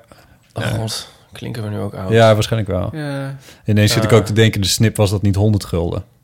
Ja. Eh, ja, dat, is, dat was Ja. onschuldig. En wat was 50 dan? Dat had ook een Je naam. had ook zo'n tv-programma, dat heette Over de Rode. Want een rode was 100 gulden dan, denk Oh ik. ja. Nee, was het niet een... Oh, wacht even. Een 250. rug. Een rug was 1000. Ja, rug was 1000, dat is nog steeds. Jeetje, nou, ja, nou, goed. Jongens, ik weet nog in de tijd dat, eh, ik weet nog dat Vondel op een eh, briefje van vijf stond. Oh, dat hij in die kist zat. Ja. Sorry, ik onderbrak Anyway, je. 200.000 Gulden gulden. kan ze winnen door Ja. één vraag nog goed te hebben. Ah! En wat was en de wat vraag? was de vraag? Nou, eh, daar kom ik zo. daar dat kan ik ook wel nu zeggen. Ja, de vraag was: wat was. Eh, wacht, ik heb er een screenshot van. Ehm, geen Keltische stam, volgens mij. Wat De- was geen Keltische stam? Ja, het was echt, want je hebt echt vragen van... eh, In Europa. Met welke rapper date Anouk het? En dan heb je vragen van opeens dat je denkt van... Jesus, hoe moet iemand dit weten? Hoe moet Geeske dit weten? Oh nee, wat was, wat was geen Germaans, Oh, maar een stam. Keltisch volk? Oké, wat zijn de opties? En de opties zijn de Saksen, de Helvetiërs of de Caninefaten. Dat Ja, dat is redelijk zal, makkelijk, toch? Dat zal de laatste zijn. Nee, de eerste. de, De. Saksen, die- dat zijn Germanen, toch? Nee, de Saksen zaten in, eh, in Engeland. Ja, maar dit dacht ik ook. En dat was niet Fout. goed. Oké, oh shit. Want ik dacht, nee, Mooi, reenact. Ja. Ja, uh, Anglo-Saxisch dacht ik, Keltisch en zo. Maar dat was het dus niet. Nou ja, nu verklap ik het al een beetje. Zij had het, of verklap ik het helemaal niet. Nou, anders verklap ik het nu al. Ze had het dus fout. Oh, Geeske. En het was heel gek, want wij zaten dat dus te kijken op een dvd... maar ze vonden het nog helemaal spannend. Het is toch heel bizar om iets te gaan terug... Ik keek met Nico. Ja. Het zweet stond in onze handen. Terwijl we eigenlijk al wisten ook dat ze het fout zou hebben. Want dat stond dus ook wel in het begeleidend schrijven. En ze zei, ik heb daar nog menig slapeloze nacht over gehad. Ah, Ja, Maar het zijn de kanifaten. Of... Nee, ik denk dat het dus de Helveets... Nou, nou Ja. weet je dat ik het nou niet meer weet? Want Kijk, de Helvetiërs waren de Zwitsers. En misschien waren dat dan geen... Dat denk ik, want Ik zij zei volgens mij zoiets Caninefaten, want dat klinkt heel ver weg. En toen dacht ik van, nee, nee, het zijn de Saksen. Maar die waren het dan ook niet, dus volgens mij waren het de Helvetiërs. Maar ik... Kaninevaten, dat was zijn toch niet dat, dat- Wim de Bie eh, steeds eh, zo prat op ging in de duinen bij eh, Den Haag? Ja. Ja, ja, ja. Volgens mij wel, ja. Ja, eh, wat? In de duiden? Oh, Los op ging, sorry. Ja. ja. Anyway, ehm, ze hadden dus fout en ze kregen dus geen 200.000 gulden. Want dat klinkt nu als heel weinig, maar als je dat... Toen was het Ja, heel nee, geld. maar Toen ja. was dat heel Ja. veel. Toen kon je er heel veel pakjes sigaretten van kopen. Ja. En maar dat- maar eh, hoe incasseerde Geeske het? Nou, heel moedig en goed. Maar ze zei dus van, ik heb er wel slapeloze nachten over gehad. En dat kan ik me wel voorstellen, want dat lijkt me toch wel kut. Kreeg ze wel nog een beetje geld? Nee, Ja, je precies. krijgt dan niks. Niks. Serieus? Ja. Het is niet zo dat je, zoals bij, bij de slimste mensen... of oh, nee, hoe heet het? Weekend Miljonairs. Nee, je kan Ah. valt niet terug op iets. Het is echt, je moet het echt all the way. Het is alles, Alles of niks. of niks. Wauw, oké. Dat is toch Dat is voor een beetje zuur. eh. Dat is waar. Ja. Ik hoop wel dat Maar ze... ik- want toen ik- wij meededen aan het spelletje... hebben wij wel een soort dagvergoeding gekregen. Hoe heette dat nou? Oh, ja. ja. Ja. maar dat... Ja, nee, dat Ik denk hoop ik wel niet dat ze dat in dit gekregen. geval. Nee? Nee, maar wij zijn dan, dan zijn wij een soort artiesten. Ja. Toch? Ja. Ja, er zat nog wel iets anders in, eh, wat wel heel grappig was. Gaston, die had toen nog een heel klein beetje haar. die gaat dan ook weer prijzen uitdelen. En, ehm, en eh, ja, tenminste, ik weet niet of jullie het ooit zien... maar dan gaat hij langs de deuren met checks bij mensen... die dan de postcode loterij Oh, ja. hebben gewonnen. Ja. En eh, dit heb ik dus... Ik heb het best wel een aantal keer gezien, het programma... maar nog nooit heb ik gezien wat nu wel gebeurde... dat hij bij een man kwam, nog vrij jong... die helemaal in huilen uitbarstte. en die, die kreeg dus ook toevallig wijze 200.000 gulden... En eh, Nico, Nico zei van, nou, god, dit vind ik eigenlijk de enige keer dat iemand een normale reactie heeft. Want die dus zich er helemaal geen raad mee en die moest helemaal huilen. En Gaston weet zich daar dan weer geen raad mee. Die Terwijl die dat toch de een hele beetje... tijd van, eh, ja, ehm, nou, eh, hij is er echt super blij mee. En dat zegt hij wel vijf keer, terwijl die man echt keihard zit te janken. Oh god. mijn, mijn favoriete was, was ook met Gaston. Toen ging hij langs met, met volgens mij een straat. Nee, ik weet niet meer precies. Maar hij was in Wassenaar volgens mij. Oh ja. En toen kwam hij bij één vrouw, belde hij aan. En nou, mevrouw, we hebben een... eh, dit is echt zo'n echt zo'n oprijlaan, weet je? Zo'n van zo'n grindpad. Butler dit open. En eh, nou, we hebben eh, wij 50.000 gu- eh, gu- gulden was het volgens mij nog. Eh, 50.000 gulden gewoon. En zei, nou, nou, dat is wel fijn. Ik ga mijn man even bellen. En dus zij belde gewoon waar die camera's bij waren een man. Zei, ja, schat, schat met mij. Ja, nou staat een cameraploeg voor de deur. en we hebben 50.000 gulden gewonnen. Naar welke rekening moet ik dat laten overmaken? Oh, heerlijk. ja. Ja, ja, ja, ja. Oh, mooi. Heel goed. Oh, nog, sorry, nog één laatste ding. Ja. Nico die vond het dus heel erg. En die stelde voor om een, eh, om een eh, crowdfunding voor, Voor Geeske te beginnen. Zodat ze Zo- toch haar 200.000 gulden zou... Maar dan moet ze wel, vind ik, haar middelvinger opsteken. Nou, twee. Haar twee. middelvinger naar Donald Trump of Halve Zijlstra. Oh ja, ja, ze mag kiezen. Nou, Halbe Zijlstra is ook een Fries. Dus op zich niet onhaalbaar allemaal. Ja. Is dit eigenlijk een volledig Friese podcast? Nee, dat is... Ja, we zitten... Oh ja, god, daar kunnen we het ook Ja, nog ja, over. Nee, ja, ja, we zitten nee, in de... Ik, ik word hier een beetje een soort ingezogen tegen Wil en Dank. Maar dat komt allemaal door Bot. Bot heeft dus een wijze fanbase in Friesland, ben ik achtergekomen. Facebook altijd. Maar ik was dus op de, als freon van Botten was ik op Omroep Friesland. Friesland. En ik heb daar dus meer reacties op gehad dan op de slimste mens. Dus een beetje overdreven, maar echt niet normaal dat, hoeveel mensen dan dus dat blijkbaar kijken. En van, oeh, ken jij Botten? En, eh, en zo. En ja, dat is toch heel, Ja, heel bizar. Ik woon er niet, dus dit gaat allemaal een bij me... Friese celebrity in de, in de diaspora. diaspora, dit gaat Diaspora, allemaal aan mij, eh, ja. aan, mij, aan mij voorbij. Ja. Eh, maar wel leuk. Ehm, Heb je nou ook in oktober 2001 aan een spelletje op de Nederlandse televisie meegedaan? En wil je dat wij dat bekijken? Stuur dan je dvd's op naar... ja, formaat maakt verder niet uit. Komt allemaal goed. VHS, cassettes. Ja, precies. Waren er nog meer ingezonden brieven die we... Eh, ja, nee, ja, kijk, dit was niet. Ja, eigenlijk was dit ook een ingezonde brief, eh, natuurlijk. Ik heb nog een enorm lange mail. Ik ga hem gewoon een beetje proberen samen te vatten. Het is een, een levenskwestie die ons wordt eh, voorgelegd Ja. eh, door ene Rut. En dat was naar aanleiding van. ehm, even kijken, dat was naar aanleiding van iets wat we een keer besproken hebben. Wat, nou, iets met leeftijd. We hebben het wel eens over. Ehm, eh, en zij schrijft dat ze 20 jaar nu een relatie heeft. Eh, even kijken. Met een man die 27 jaar ouder is dan zij. Ze vraagt dus onze, eh, onze raad over de kwestie dat ze nu al behoorlijke tijd met deze man samen is. En toen ze jong was, toen soorten met waarschuwde vrienden haar er wel voor. Zit je nou te, doen, zit je nou te Syrië? Ja, maar jij zei iets waardoor Siri... Nou verklap je waar wij onze raad altijd vandaan halen. Maar ik weet niet, oh, waarom maakt hij nou geluid erbij, joh? En is Siri, gaat hij ook aan bij niet storen? Ik weet het niet. Oh, sorry. En zij, eh, zij, wil dus, zij, wil dus, zij wil raad van ons. Omdat zij eh, dus vroeger waren haar vrienden, toen ze jonger was... die zeiden van ja, maar straks heb je een, echt een oude man. En nu heeft ze een oude man. En die man die blijkt dus inderdaad ook echt wel wat ouder te worden... in de zin van dat hij, eh, zo schrijft ze... van meningen verandert en van onderwerpen vergeet en anders naar de wereld kijkt en, en de grappen niet meer snapt. En, en ze schrijft dus alsof hij onze gezamenlijke wereld heeft verlaten en er net naast zit. En ze, vindt het dus heel vervelend allemaal. En ze vindt ook vervelend hoe ze daar zelf dan eh, op reageert. Want ze weet niet zo goed hoe ze daarmee om moet gaan. Dus ze noemt zichzelf al eh, super kill. En eh, voelt zich vaak beledigd. En gedraagt zich ook niet zoals je het van een volwassen vrouw zou verwachten. En nu wil ze eigenlijk raad van ons van... Ja, wat, wat moet ze hier nou mee? En persoonlijk vind ik het nogal een zware kwestie... om zomaar aan ons voor te leggen. Eh, maar wat, je wilt het eventjes, je wilt nog even nader bekijken. Ja, Wat er zat één zin in die mij heel erg grof. Want ik heb het namelijk aan je doorgestuurd van tevoren.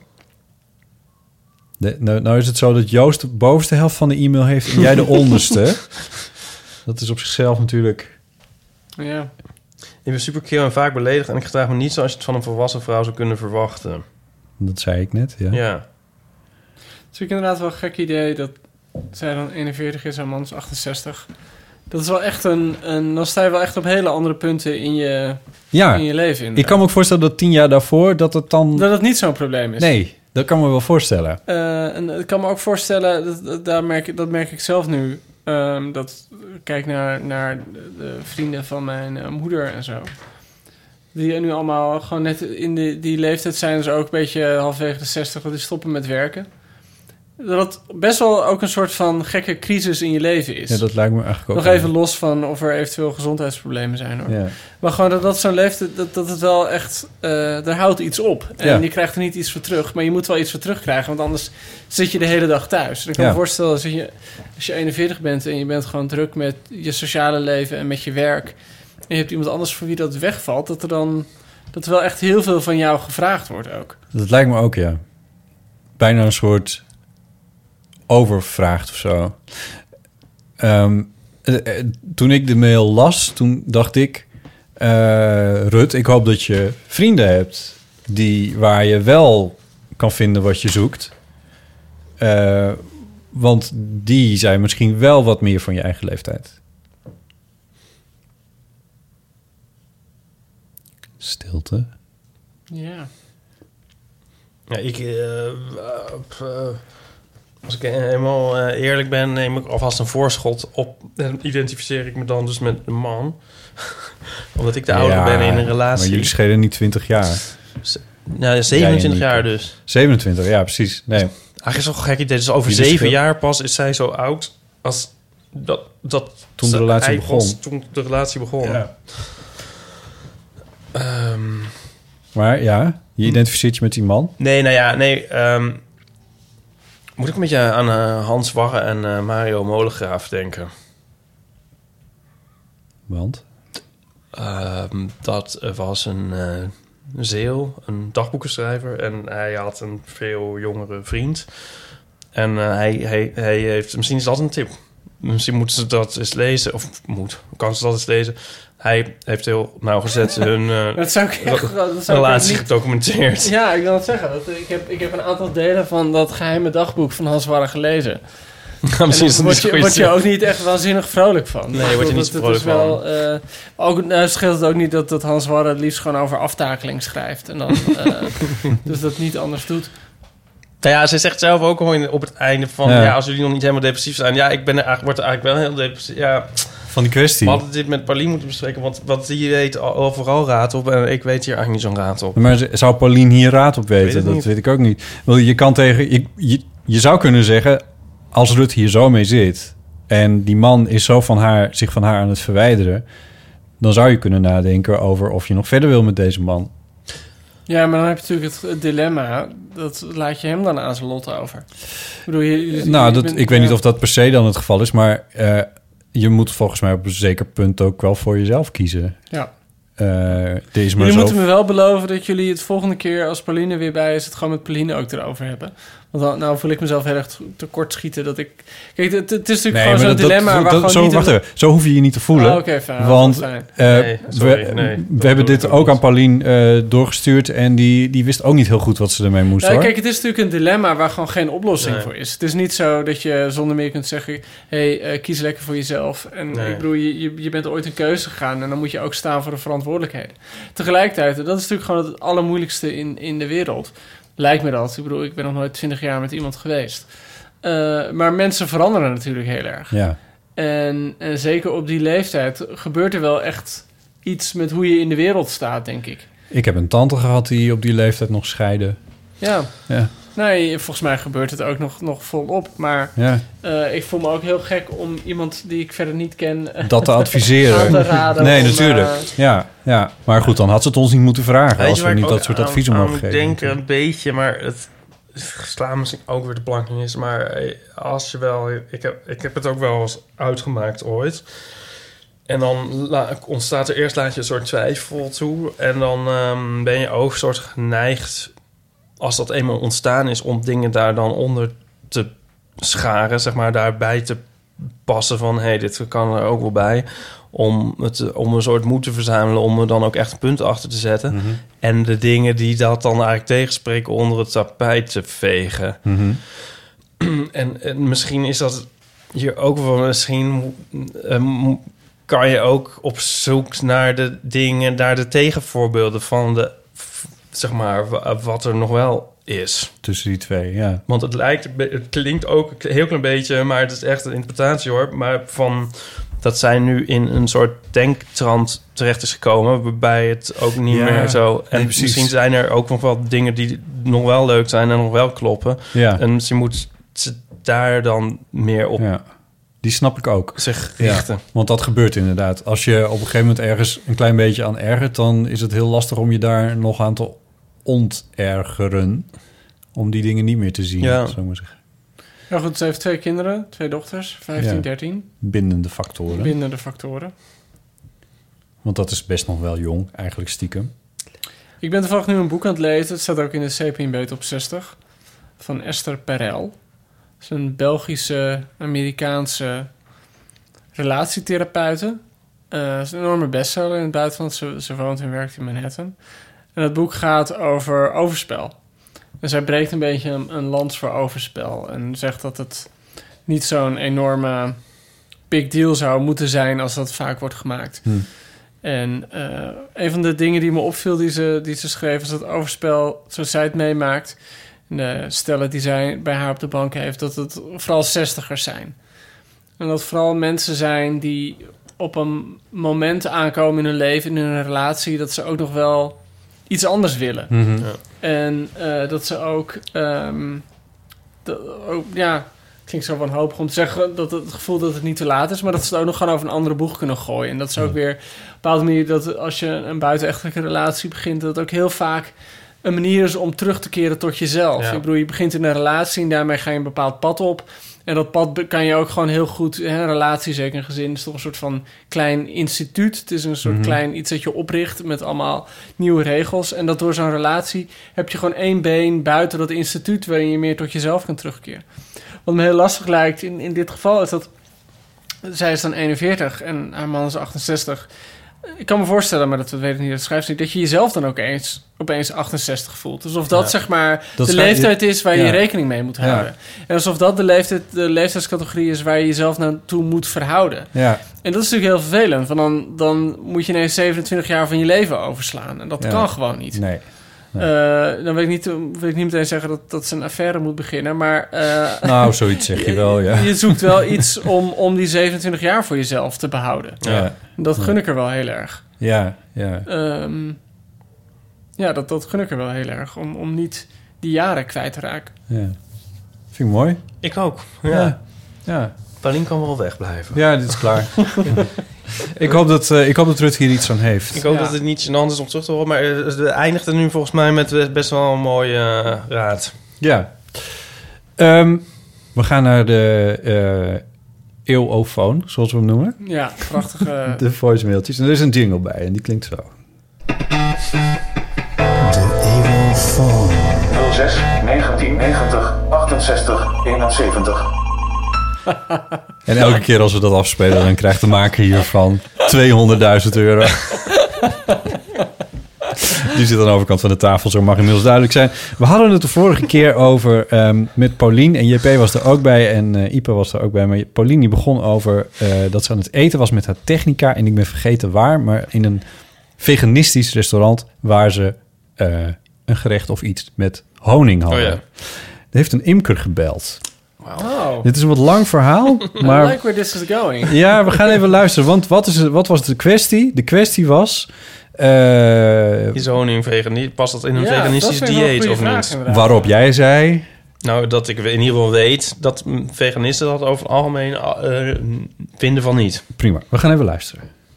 Met Jan, Ehm, ja, vandaag heb ik het eerste stukje van jullie 50ste aflevering beluisterd. En daar popten bij jullie nogal wat vragen op over honing. Nou, ik denk als ik eh, daar wel wat antwoorden op te kunnen geven. Ehm, ja, een vraag die bij, jullie opkwam was: eh, veganisten eten die honing of niet? Nou, eh, dat is heel erg verschillend. Ik ken een aantal veganisten in mijn omgeving. En sommigen die, eh, die eten absoluut geen honing. En andere veganisten hebben daar eh, niet zo heel veel moeite mee. Dus ja, daar kan ik geen eenduidig antwoord op geven. Maar de vraag kwam ook van, wat is honing eigenlijk? Nou, daar kan ik wel een goed antwoord op geven.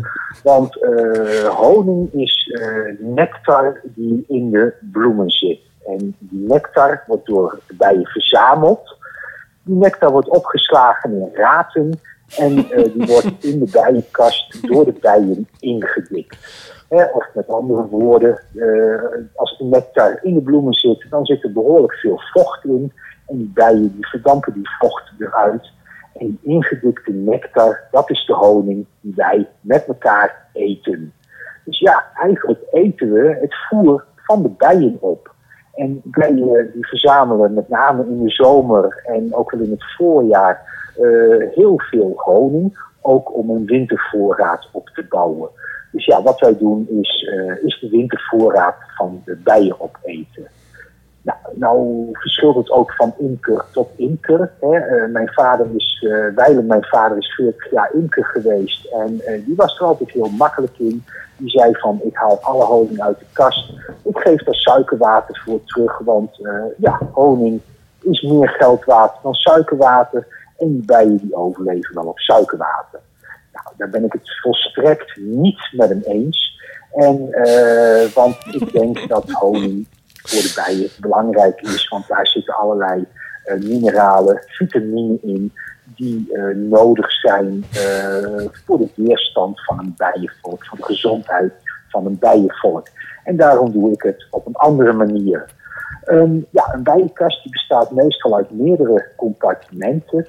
En wat ik doe is alle honing wat in de onderste compartimenten zit, dat laat ik in de bijenkast zitten. Dat is voor de bijen. En dat moet ook voldoende zijn voor de bijen om op te overwinteren. En alles wat in de bovenste compartimenten zit, daar ga ik van uit dat dat over is, dat het een overschot is. Dat slinger ik eruit, dat stop ik in potjes en dat verkoop ik. En ja, ik hou heel erg goed in de gaten of er inderdaad in die onderste compartimenten wel voldoende honing zit, zodat de bijen daarop kunnen overwinteren. Want ieder bijenvolk heeft iedere winter eh, nou zo'n 15 kilo honing nodig om te kunnen overwinteren. En dat probeer ik goed in de gaten te houden. Nou, en als je honing koopt, eh, kijk dan wat voor honing je koopt. De honing in de supermarkt, daarvan weet je niet eh, hoe er met de bijenvolken om is gegaan en waar die honing vandaan komt. Dus mijn tip is, wil je honing eten, ga naar een lokale imker en ga met hem of haar in gesprek en vraag hoe hij of zij met, haar, met de bijen omgaat. En eh, nou ja, zo krijg je denk ik wel een goed beeld en kun je voor jezelf een goede beslissing maken van wil je honing eten of wil je het niet. Dat was Jan de imker. Voor de zekerheid kun je een schaaltje suikerwater buiten zetten als je honing heet.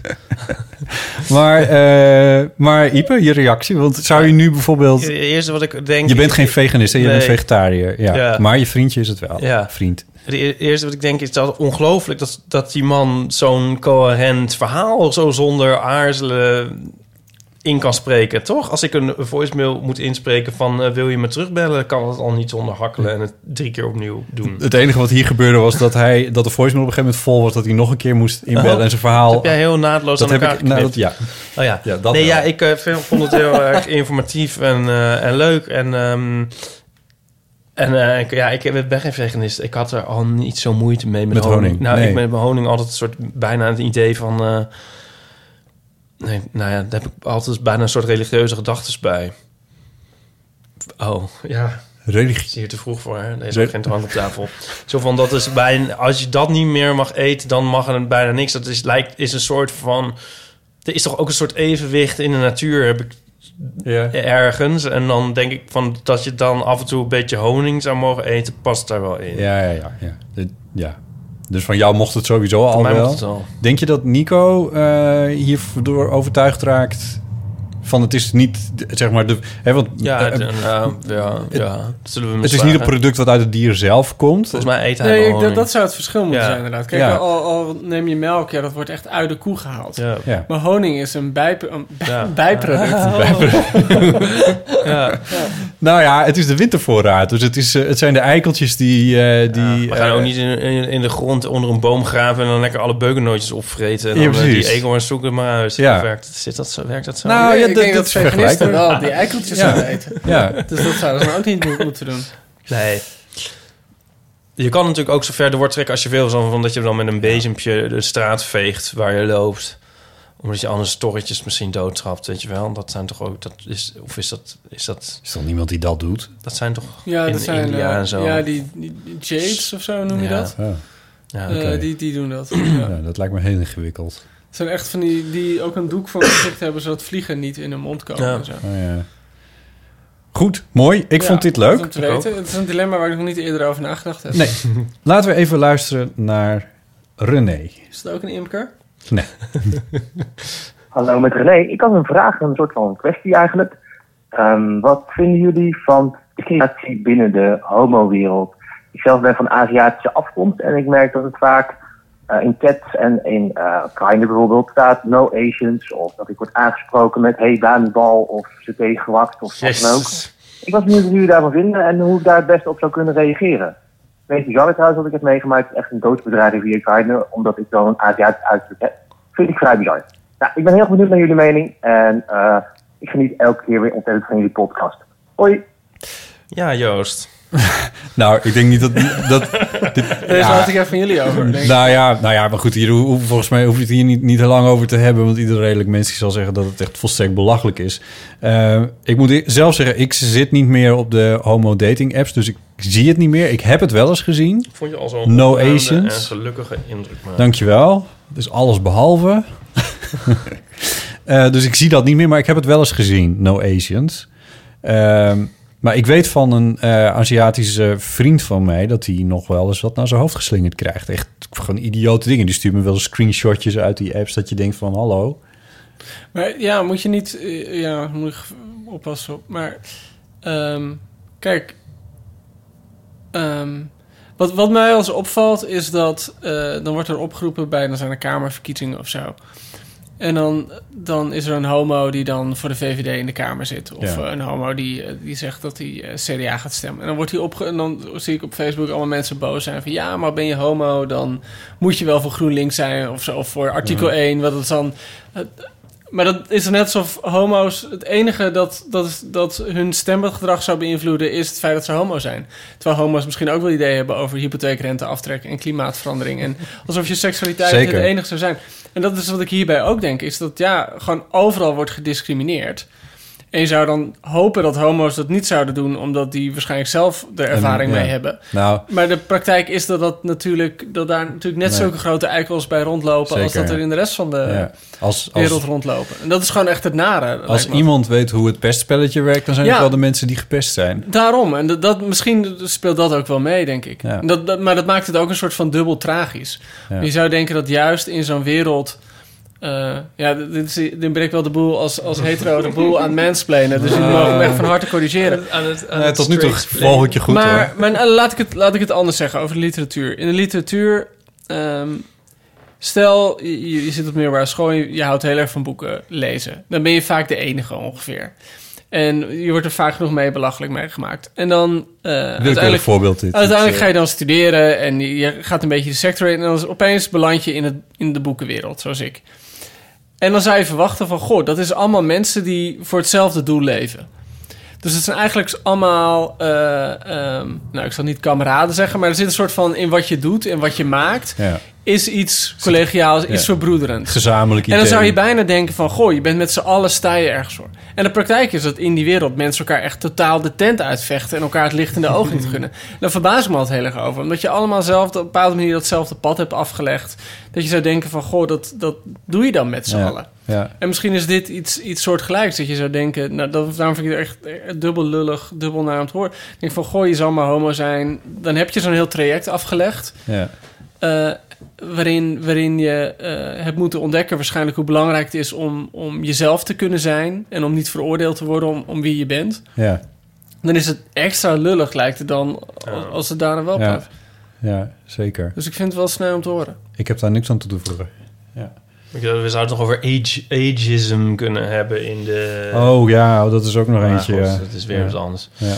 Eh, ja.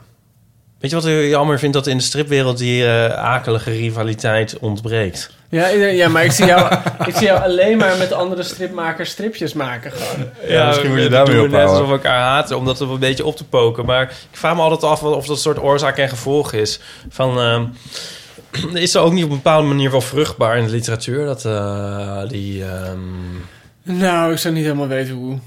Eh, nou, die briefwisselingen tussen... Jij bent toch ook wel een beetje polemisch ingesteld? Ja, of Nou ja, maar meer omdat je af en toe het gevoel hebt dat je van je af moet bijten of zo. Ja, is het- het, het gekke is wat er meer een beetje in zit. Arie Storm, wat best wel een haatbaard kan zijn zijn recensies. Of tenminste heel fel en uitgesproken zijn. Die schrijft een keer in een van zijn boeken, zegt hij van...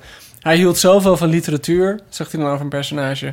Hij hield zoveel van literatuur dat hij het alleen voor zichzelf wilde hebben. ja. Dat hij het met niemand wilde delen. Ah. En dat zit er soms ook een beetje in, Ja. denk ik. Dat je ergens dat het zo belangrijk voor je is. eh, dat je alle andere mensen die zich ermee bezighouden, bijna per definitie niet gelooft. Ja, Ja, ja, ja oh, dit snap ik wel, ja. Ja. dit doen we weer een beetje aan, aan, aan luizenmoeder denken dan. nee, ja. Maar goed, het is een beetje, voert een beetje ver. Ik, eh, maar heeft het, mag ik, ik, ik, Ja? ik, ik ga gewoon een paar vragen stellen, want ik weet niet zoveel vanaf. Zou het er ook mee te maken kunnen hebben dat in de homo-wereld mensen heel uitgesproken zijn over hun seksuele voorkeur? En Ja, over het is- soort. ja. Want Ja. ik begrijp altijd dat je in de homo-scene. Ja, ik weet er dus best weinig van voor. Maar ik begrijp dus dat je in de homo-scene heel be- bepaalde van die types hebt. Ja. Wat, en dat mensen heel uitgesproken zijn over wat ze willen. Ja. Met als gevolg dat ze dan ook heel makkelijk neerkijken op Ja. wat ze niet willen. dat, Ja. dat klopt. Alleen moet ik zeggen dat, er, dat dat volgens mij wel echt ook volstrekt voorbij gaat aan het feit dat als je mensen erop vergt, dat het soms helemaal niet blijkt te kloppen met, wie, met, welke rol, met welk ro- eh, rolmodel ze zich identificeren. Eh, en, en ik zelf kan bijvoorbeeld ook helemaal niks met al die eh, archetypen die er Ja. dan zijn. Dat snap dat, die, dat, ik kan me met niet één echt identificeren. Ik heb ook aan niet één heb ik een hekel of zo. Ja. Eh, maar, maar, het is, maar het is een soort... Ja, een grapje. Ik, sorry, wat? Behalve een Asian, zei ik, heb je. Eh, Nee, ja. Maar, en wat zou ik hier nou zeggen?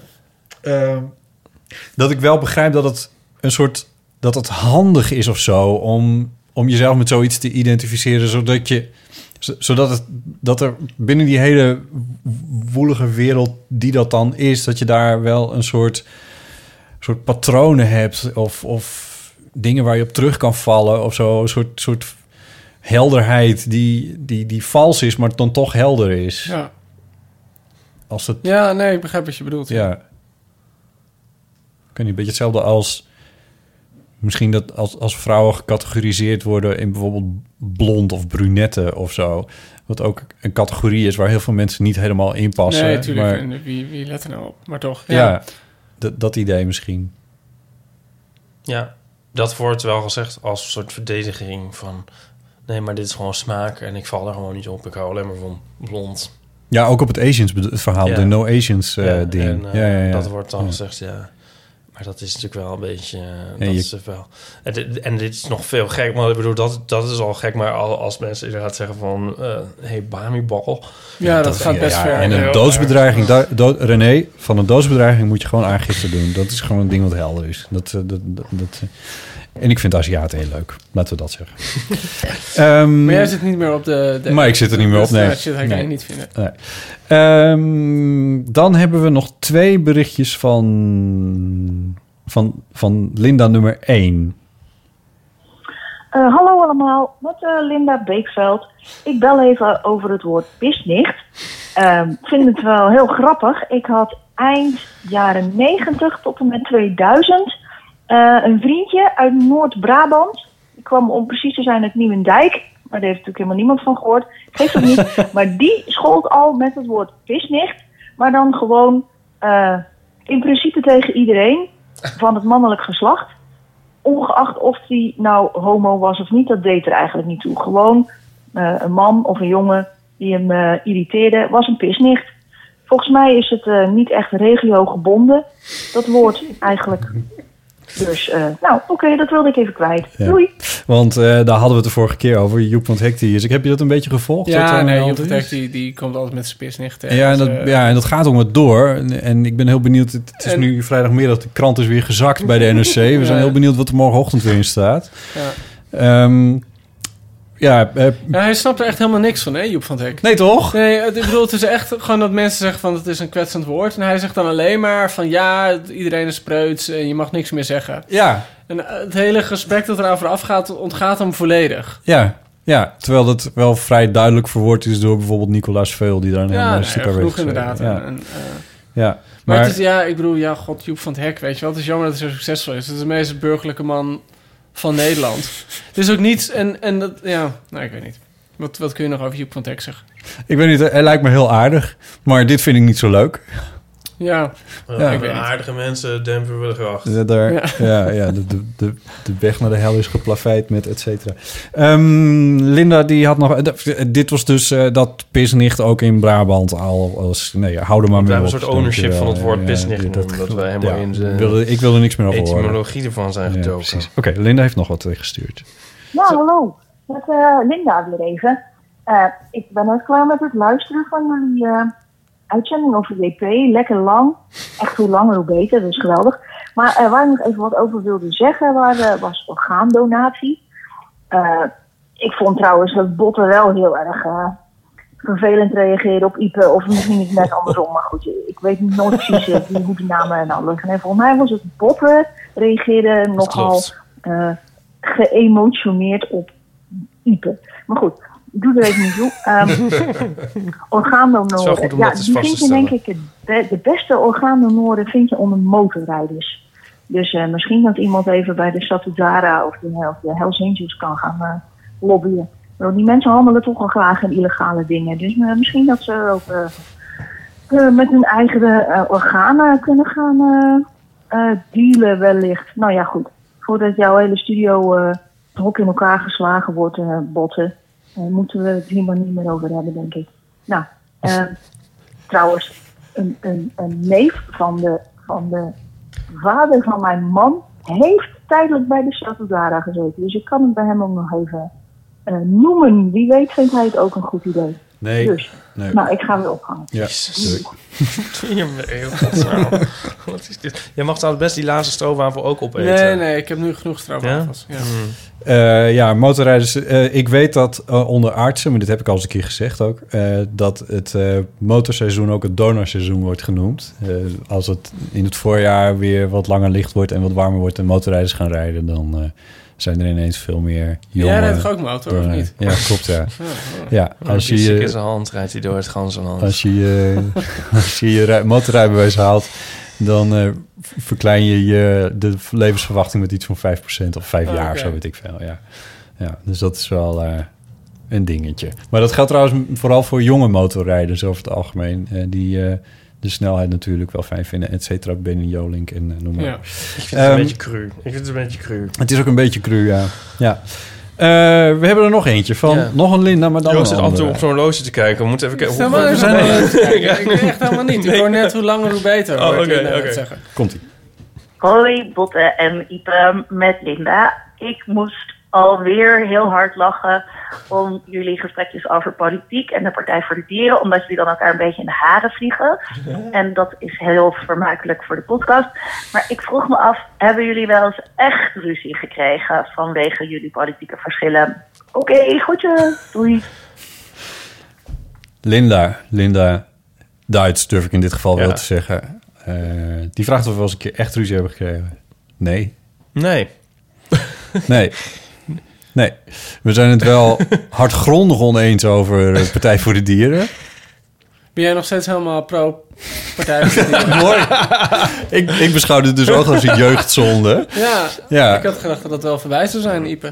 Ja, nou, dat denk ik dat dat nog 27 jaar is. Nou, als het, was, het zou het zijn geweest als ik, als ik 18 was geweest en ik nu 19 was. Ehm, Kun je zo meteen bij de gemeenteraadsverkiezingen weer op de partij... Kan je op Nou, ze stemmen? Je weet eigenlijk weet niet eens. Ik zit er niet zo heel diep in. Ik kreeg ook een, ik kreeg een mail van iemand, maar die was niet per se voor uitzending bedoeld.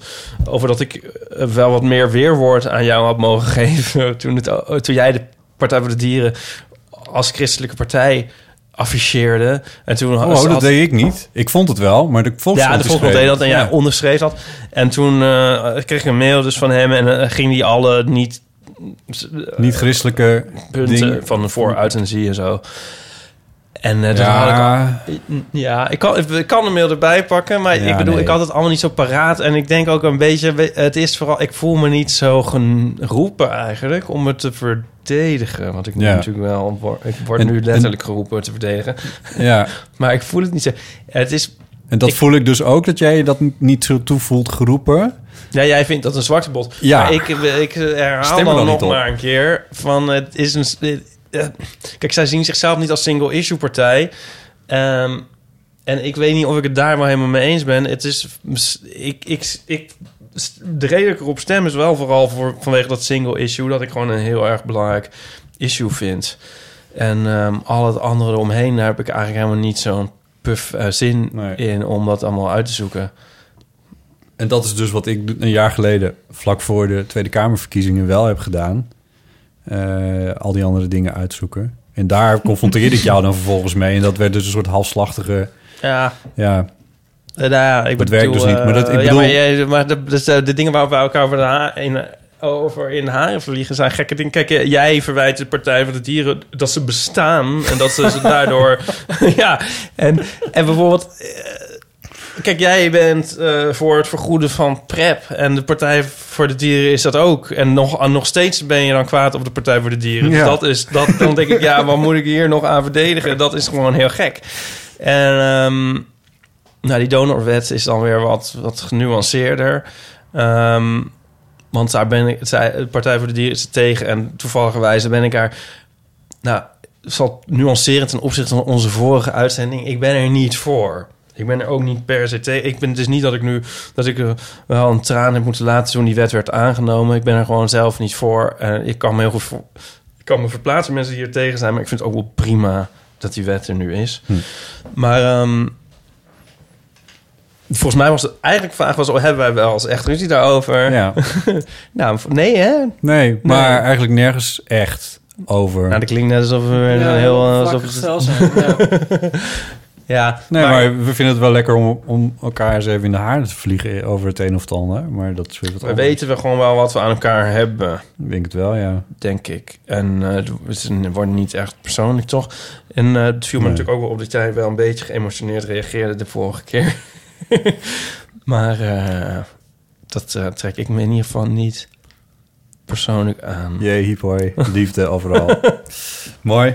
Nou, dat waren de... eh Misschien je de jingle nog een keer laten horen. Of doe je die... Of, Dat kan. Dat kan. Heb je hem omgekocht? Je mocht al met terugkomen, paaseier? hoor. Je Ja, mocht al gewoon terugkomen. het begin en Ja, dat vind ik ook. er, is nog iets, er is nog iets veel leukers. Dat is namelijk dat we ook... eh, oh, dan klap ik hem dicht. Dan kan ik de jingle niet afspelen. Ehm, we mogen nog een, een Urban Ears eh, koptelefoontje Oh ja. weggeven... namens eh, Storytel. Die maken audioboeken. En die zijn zo vriendelijk om ons iedere keer een... eh, een koptelefoontje weg te laten geven, deze Urban Ears koptelefoon, eh, aan eh, de eh eeuwofoon in Belleur of Stur, die we eigenlijk het meest interessant, de meest interessante kwestie vonden eh, voorleggen. Ehm, en, eh, dus, maar dat kunnen we nu even gaan bepalen met z'n drieën. En in dit geval dus hebben we de keuze uit vier mensen. Dat is Imker Jan. Dat is Linda die vroeg of wij of we wel eens echt ruzie hadden gekregen. Dat is Linda die het had over de pisnichten en de motorrijdende orgaandonoren. Ehm, dat is eh, tenslotte René. of René met zijn, eh, met de, die, die zo vreselijk werd uitgescholden op de homo-apps. Ehm, hebben jullie een voorkeur? Welke kwestie vonden jullie het meest interessant van wat er op de eeuwofoon was? Ik moet zeggen dat die eh, koptelefoon ligt hier. Die is een hele mooie kleur geel. Ziet er heel hip uit. Ja, dat zei Pauline ook al, maar het is toch eigenlijk oranje hoor? Oh, is het oranje? Ja, maar het is een ja. beetje in het ge- Ja. gelicht. Ja, Oh, het het zit- is inderdaad zit- oranje. ja, Ja, ja. Oké, nou ik wilde zeggen geel als een bij. Maar Ja. zo, Eh, dan dan eh, zou dat daar spreekt jouw voorkeur een geel beetje als uit? honing. Nou, ik vind het wel fijn dat Imker Jan eh, echt een bijdrage heeft geleverd in eh, de informatievoorziening rond deze kwestie. Ehm, hoewel ik ook een voorstel dat, je hem, dat we hem aan René geven. En dat als dan... eh, Als troost. ja, en als mensen hem dan, dan, dan eh, uitschelden, kan die koptelefoon. Ah, dat kan mooi, ook nog. mooi. dus, ja. dus een van die twee zou ik Ja. voor gaan. ja, precies. Ipe, jij? Eh, ja, nou, ehm, ik ehm, eh, eigenlijk, ik dacht hetzelfde. Die kleur, dat, dat roept toch echt wel Imker Jan. Dat roept Imke Ja, Jan. en ik vond dat ook echt voor A for effort toch wel. Absoluut. Ja. Ehm, ja, en we hebben er wat van geleerd. Dus laten we dat doen. We geven hem aan eh Imker Ja. Jan met een eh, Hoef je ook dat al gezoom niet te horen de hele Nee, tijd. inderdaad. Ja. eervolle vermelding voor René, eh, waar hij niks aan heeft. Ehm, eh, we- eh, Imker Jan eh, zal ik een berichtje sturen dat hij zijn adres doorgeeft. En dan eh, komt het allemaal in orde. En dan gaan de Urban Ears van Storytel naar hem. En dan moeten Anne en Tim moeten weer postregels gaan plakken. Die mogen pas Laat nou even die jingle horen. Oh, ja, ja, dat is waar ook, ja. Want dit al- was natuurlijk allemaal in het kader van... 06 1990 68 71. Ik vind het goed dat, die, dat dat telefoonnummer begint met 06 1970. Want het klinkt ook... alsof die- 1990. oh, 1990, sorry. Het klinkt ook alsof de jingle in 1990 is gemaakt. Is dat zo? Maar dat, dat, eh, eh, eh, dat, is, dat is het geluid van, een, van mijn telefoon die op mijn bureau ligt. Dus dat kan natuurlijk al niet uit 1990 Nee, zijn. maar gewoon, het klinkt wel heel erg... Gewoon zeg maar als school-tv weekjournaal, weet je wel. Zo, zo. Ja, ja. ja en ergens klinkt het voorlezen van het telefoonnummer... klinkt dan weer als iemand die een opsporing verzocht. Ja, dat. Verzoekt. een oud politiebericht. Ja. Je Ja. wordt een bericht van de politie. Ik, vond- ik dacht eerst nog dat je dat op die manier bij elkaar had geknipt, het telefoonnummer. Nee, zo inventief ben ik niet. Ja, het is anders gegaan. En dat zit allemaal weer in vorige afleveringen... die al, ook weer kunnen worden beluisterd. Zijn er nog dringende kwesties die we moeten behandelen in dit geval? Wat, wat vinden jullie... Ja, misschien een beetje heel gek. Maar hoe... Wat, ik heb opeens zo'n heel gek nostalgisch beeld van Lubbers. Oh ja. Ik heb het met een aantal mensen er nu over gehad. Eh, mensen die echt de jaren 80 gewoon heel... eh, gewoon mensen die iets ouder zijn dan ik... die de jaren 80 heel actief hebben meegemaakt. Ja, En het gekke is dat nu in... in eh, we we hadden het net aan het begin van de uitzending... hadden we ook over het verschil tussen de gebeurtenis... en het verhaal van de gebeurtenis. ja. En het beeld is nu van Lubbers toch als een soort van slimme, wijze staatsman. Eh, Over die- de doden niet zo goed. Ja, over, ja, inderdaad. Terwijl volgens mij in de jaren tachtig hij echt gehaat werd, volgens mij door iedereen. Dat was En een bijzinnetje in het eh, in memoriam van de, eh, van de NOS. Van hij voerde een beleid uit dat bijna harder was dan dat van Thatcher. Ja, ja. En, en voor heel veel mensen, tenminste die ik dan nu ken... die in die tijd gewoon twintigers waren en, en links en progressief... was Lubbers echt de, de nachtmerrie. Ja, En ik vind het heel grappig dat, dat nu gaat het echt alleen maar over wat een slim politicus het was.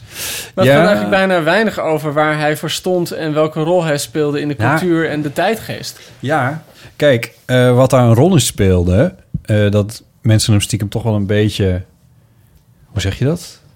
Eh, hij kwam in de jaren tachtig wel een beetje via de linkse kant het CDA binnen. Als iemand onder Den Uyl... Ik ben he- hoe het nou precies in elkaar zat... maar hij was iets bij Den Uyl. En zo is hij bij het CDA dus een beetje zeg maar, aan de linkerkant het CDA binnengekomen. En het CDA heeft volgens mij in het afgelopen decennium een enorme afslag naar rechts Ja. genomen. Ja. Waardoor het beeld van Lubbers wat linkser is dan... Maar dat moet je in die tijd weer zien. In die tijd was alles volgens mij iets linkser. Maar dat Ja, is dat- een heel algemene ook, ja. stelling. Waardoor hij toen weer aan de rechterkant zat. Maar nu in retrospectief we hem toch een beetje aan de linkerkant van het CDA beschouwen. Ja, het klopt wel, denk ik, wat, wat Botte zegt... dat ehm, het CDA natuurlijk de afgelopen jaren... gewoon echt hele ruk naar rechts heeft gemaakt. En dat je bijna vergeten bent dat het ooit gewoon de, de meest klassieke middenpartij was. Ja. Dat, dat is het nu veel minder. Nu vind je denk ik de PvdA de middenpartij of zo, weet je wel? Ja, zo je D66, dat PvdA, Ja. Partij voor de Dieren. Partij van de Mier- van de Dieren is inderdaad wel heel mainstream, ja. ik las dus een... eh, eh, ik las ook ergens in een retrospectief dat hij een met een soort Kennedy-achtig uiterlijk. Oh. Bla, bla, bla. Dat ik, hij heeft nog geen Kennedy-achtig uiterlijk. Wat wel heel grappig is, hij was dus dat hij premier werd, was hij 43. Hij was net iets jonger dan Rutte was toen hij premier was.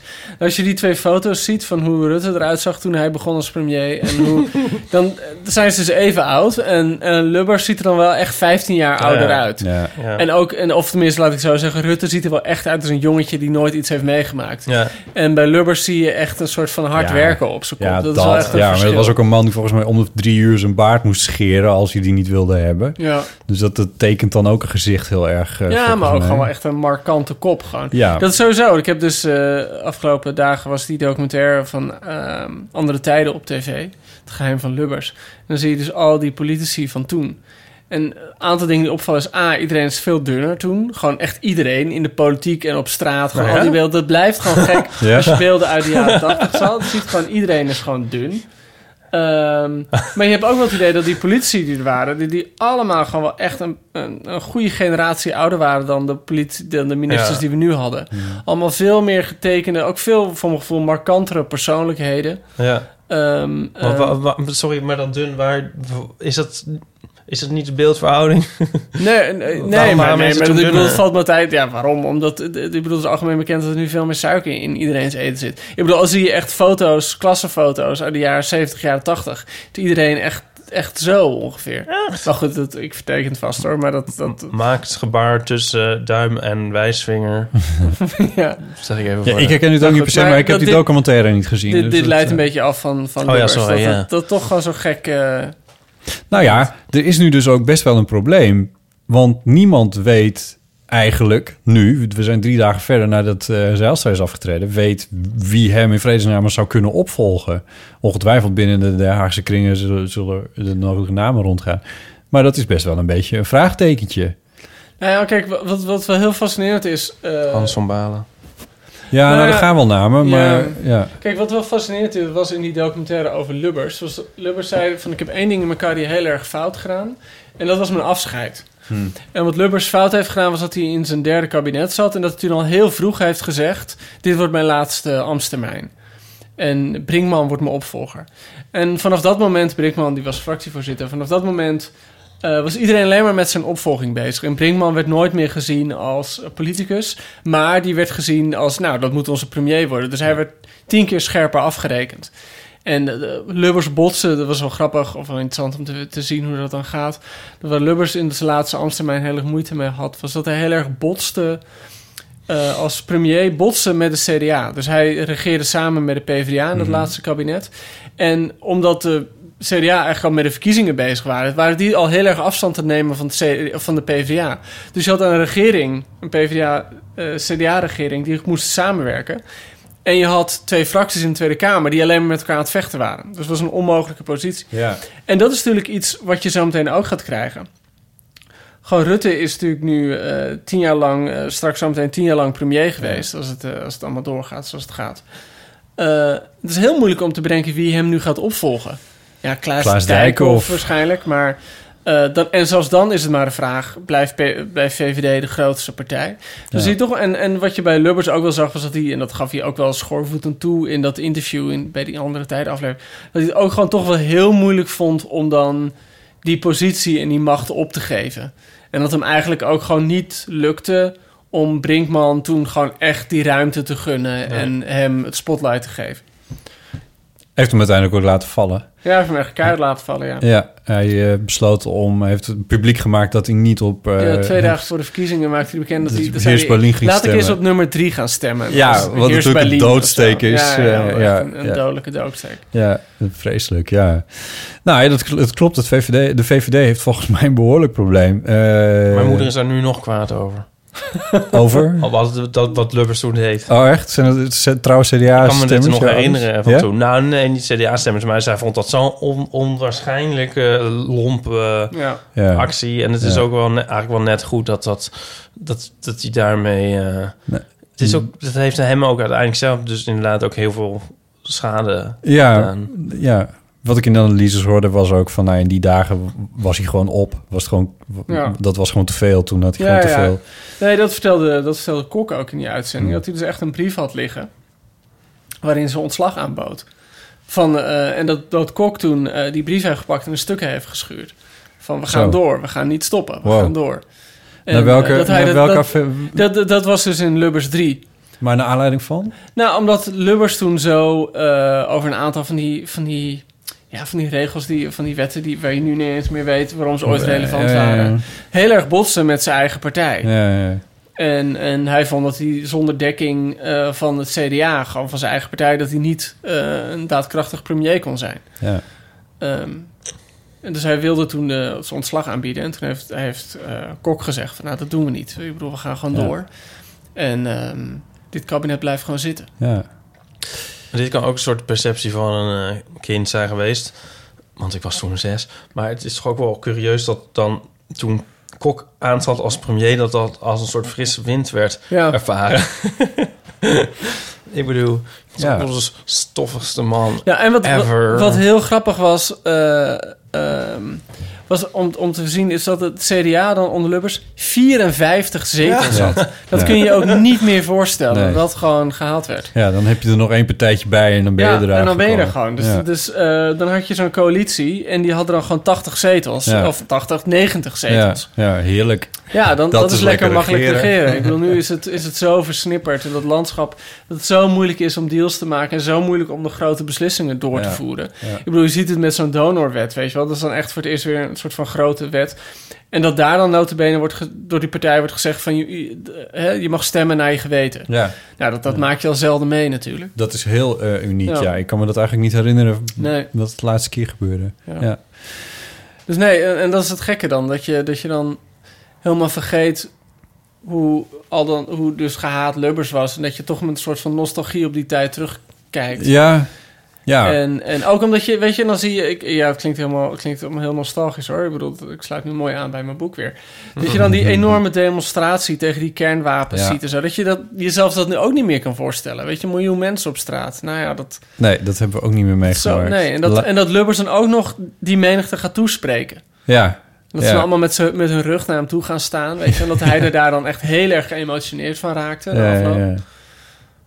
Ja, gek, eh, gek iets.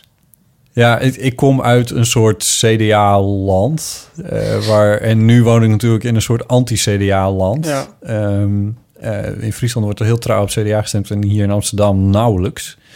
Ehm, dus voor de, voor de, eh, voor, de- voor het beeld van, van Lubbers. Dat, ik, in mijn omgeving werd hij nooit met veel kritiek benaderd, omdat het, we vond, iedereen vond dat wel prima. Maar was er ook niet tijd dat de politici überhaupt iets hoger nog wel in aanzien stonden? Totaal. Ja. En ook Ja. grotere uitspraken deden. Gewoon net iets, Ja. iets meer nadachten over... Zeg met Ja. iets moreler uitspraken over kwesties. En dat, dat mis je nu wel een beetje. Je had het iets meer de autoriteit van de functie, bij wijze van spreken. Want hij was de premier, dus hij was... Dus dat, dat had een soort eh, iets meer aura ook, denk ik. Ja. Nou, wat ik ook wel een grappig, eh, grappig voorbeeld in contrast vond, is dat, eh, dat dat werd bekend dat in ehm, Rutte 2, het vorige kabinet, eh, gingen al die ministers met elkaar sporten. Dus er was echt zo'n appgroep en dan gingen ze Ja. altijd met elkaar squashen Ja. en naar de sportschool. En, zo, en dat, dat, is, dat zegt ook iedereen dat het talent van Rutte is. Dat hij met iedereen heel amicaal is en heel goed mensen bij elkaar kan brengen. En als je dan hoort hoe dat met ehm, Lubbers ging... eh, dat hij, eh, dat als ze bij de ministerraad een broodje kregen... en dat kregen ze hem heel af en toe... dat ze dat dan staand moesten opeten. En dat was dan gewoon een kadetje. En eh, eh, heel streng, helemaal niet... ook heel korte vergaderingen. Niemand Nee, mocht met ja. elkaar kletsen of Nee. zo. Ik bedoel, het, het, het voelt wel aan als een hele andere manier van... eh, het land besturen. En- en met- Spartaanse- ja, maar ook met die functie omgaan, weet Ja. je wel? Ik bedoel, al heb je het over... eh, toen stond die functie veel meer in aanzien. Het lijkt ook alsof het voor die politie zelf een ander soort aanzien Ja. hadden. We- Er is toch nog iemand, wie doet dat ook weer? Is dat nou Merkel die dat deed? Die echt zo'n zo'n uitputtingsstrategie had in eh, onderhandelingen en zo. God, wie was dat nou? Hitler had het ook. Ja, Ja. zie je het ook? Dat was hij weer. Ja, een klein Godwinnetje. Maar nee, inderdaad. eh, ja. Maar is... was het in Jinek of zo? Misschien hebben jullie het ook gezien. Dat, eh, ehm, was het Kees Boomsma of zo? Die vertelde dat... eh, Kees Boomman. Boomsma, heet hij niet zo? Kees Boomman is een politiek commentator bij de AFRO. Ja. Oh, nou, die dan. Dat hij Oké. vertelde dat eh, hij... ehm, dat Lubbers wel eens het voorzitterschap van de EU misgelopen zou hebben kunnen zijn geweest. Omdat hij... Omdat Mitterrand en Kool die Nederlandse lunches, lunches zo erg vonden. Oh, echt? En dan bij alle vergaderingen over het verdrag van Maastricht en zo... dan eh, kregen ze zo beroerd te eten... En eehm, dat zagen ze niet meer zitten. Ja, dat is een leuk verhaal. Het, Ja. het idee is dat hij die, die plek mis heeft gelopen... omdat hij tegen de Duitse eenwording Ja, was. ja, ja. Maar er was inderdaad zo'n andere anekdote die je nu Ja. heel veel hoorde. Was dat, eh, ik weet niet wie, maar dat een andere prominente... een, een jonge opkomende CDA gewoon heel graag een keer met hem wilde eten... om hem beter te leren kennen. En toen meenam naar een chic restaurant... en ehm, de menukaart uitvoerig bestudeerde... en een drie gangen menu bestelde... En toen vroeg de ober aan, aan, aan Lubbers, eh, wat wilt u? En toen zei hij, een uitsmijter. Ja. Dat toch wel veel over eten. Ja, want ik heb ook gelezen dat hij... eh, Of zat het in diezelfde uitzending... dat hij zin had in een soupeetje... en zei dat, dat tegen zijn chauffeur zei... toen ze s'avonds heel laat terugreden... En dat die chauffeur dacht van... God, het is ook wel het nieuws. Dat hebben we nog nooit meegemaakt. Lubbers heeft zin in een souper. En dat hij toen een oude koude tosti uit zijn tas pakte... en die ging opeten. Oh. was, een Ja. soort, was, een soort, was het Kuzu die een tosti uit zijn binnenzak De had? anekdote die ik me herinner was eh, dat hij bij Radio 1 moest zijn voor weet ik veel wat. Het is ergens vijf jaar geleden of, of acht of zo weet ik veel. Eh, en dat eh, Lubbers ehm, het niet haalde. En waarom niet? Hij was een van de eerste die met een elektrische auto door Nederland reed. En zijn auto was leeg. Grappig, Eh, dat, dat is een vrij vroege. En, en, en toen daar ook op werd aangesproken door de presentator die hem aan de telefoon had: van is dat niet ontzettend onhandig dan? Ja, nou ja, je moet het een beetje plannen, maar het is gewoon voor de goede zaak. En maar het is ergens ook heel Ja. Spartaans, weet je wel? Dat, dat Ja. je. En maar wat daar weer daar haaks op staat, en dat, dat vind ik altijd fascinerend om te weten, dat Quote schatte zijn vermogen op eh, Oh ja. 80 miljoen of zo. Wow, Ja, echt? Hij was, Maar hoe dan? Nou, hij heeft heel veel... Hij heeft eh, nooit wat uitgegeven. Maar Nee, het familiebedrijf eh, Ja, hij- first place. Hij was heel, eh, heel veel geïnvesteerd in allemaal allerlei Rotterdamse havenbedrijven. Ja, Eh, Ja. En daar, ehm, ja, daar heeft hij gewoon enorm vermogen eh, verzameld. en nooit uitgegeven. Volgens mij kan je het niet helemaal voorstellen. Nee, nou. En wat je natuurlijk, en dat, dat, dat doet wel pijn. Ik bedoel, hij had natuurlijk, hij had natuurlijk een soort van. eh avant MeToo had hij al een, een MeToo'tje aan zijn Ja. hangen. Klopt, ja. En dan zie je de hele dat filmpje, dat zag je nu ook we juist wel even voor, voor vrijgesproken. Maar dan zie je nu overal wordt dat vervelende filmpje herhaald van hem met Angelina Jolie. Dat zij hem omhelst en hij komt op haar afloop en hij struikelt. En hij valt dus echt zo in haar armen, waardoor hij Oh. er nog, nog fanatieker omhelst. Oh. En wat ik heel leuk vind, en dat ben ik wel heel benieuwd hoe Jutta Goris, de biograaf van Beatrix, dat doet. Oh ja, die... Ja, op, ja, ja, alle, ja. op alle filmpjes die je ziet van hem en Beatrix glundert Beatrix. Ik wil niet rollen hoor. Maar Beatrix kijkt naar hem met rode konen en ze glundert echt. Ze geniet Ja, van hem. Er wordt altijd gezegd, toch? Van, ze Ja, hebben het- zo'n goede... Generatiegenoot. Ja, maar als je dat echt nu denkt, als je dat nu zou zien, weet je wel, als jij eh, je vriendin of je vriend met.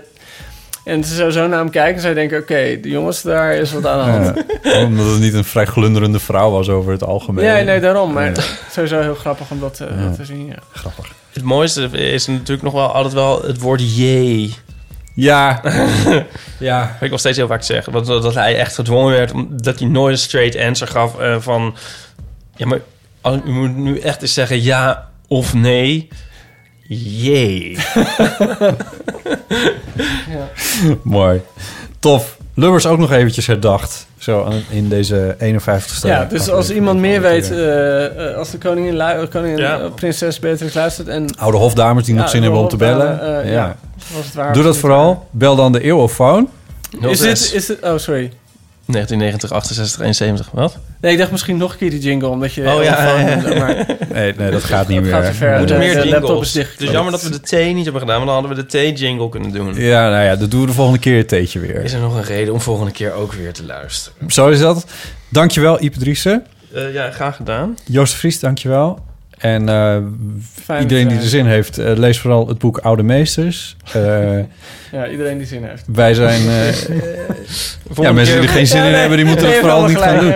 maar ik kan het in ieder geval Ja. aanbevelen. Want ik, ik ben dus op een vijfde en ik vind het al superleuk. Ja, we zullen de volgende, volgende keer nog even verslag doen van hoe, het- hoe, het, Hoe het eh, afloopt. we zullen de volgende keer even spoileren helemaal de afloop en Ja, dat alles. is goed, ja. Zijn we heel goed Ze gaan in. allemaal dood. Joost, dankjewel dat je er weer was. Ja, was heel erg leuk. Ehm, wat moet ik nog zeggen? Ehm, luisteraars kunnen een reactie achterlaten op iTunes. Vergeet dat niet. Superleuk. Want dan... eh, oh, die zou ik uitzoeken. Heb ik weer eens niet gedaan. Ehm, volgende keer lees ik ze weer lees ik ze voor. oh, iemand moet heel erg gapen. Ja. Eh, volgende keer lees ik de reacties echt, echt, echt voor, beloof ik. Ehm, laat die daarachter op iTunes. Het helpt ons om hoger in de statistiekjes terecht te komen. En ehm, tot de volgende keer.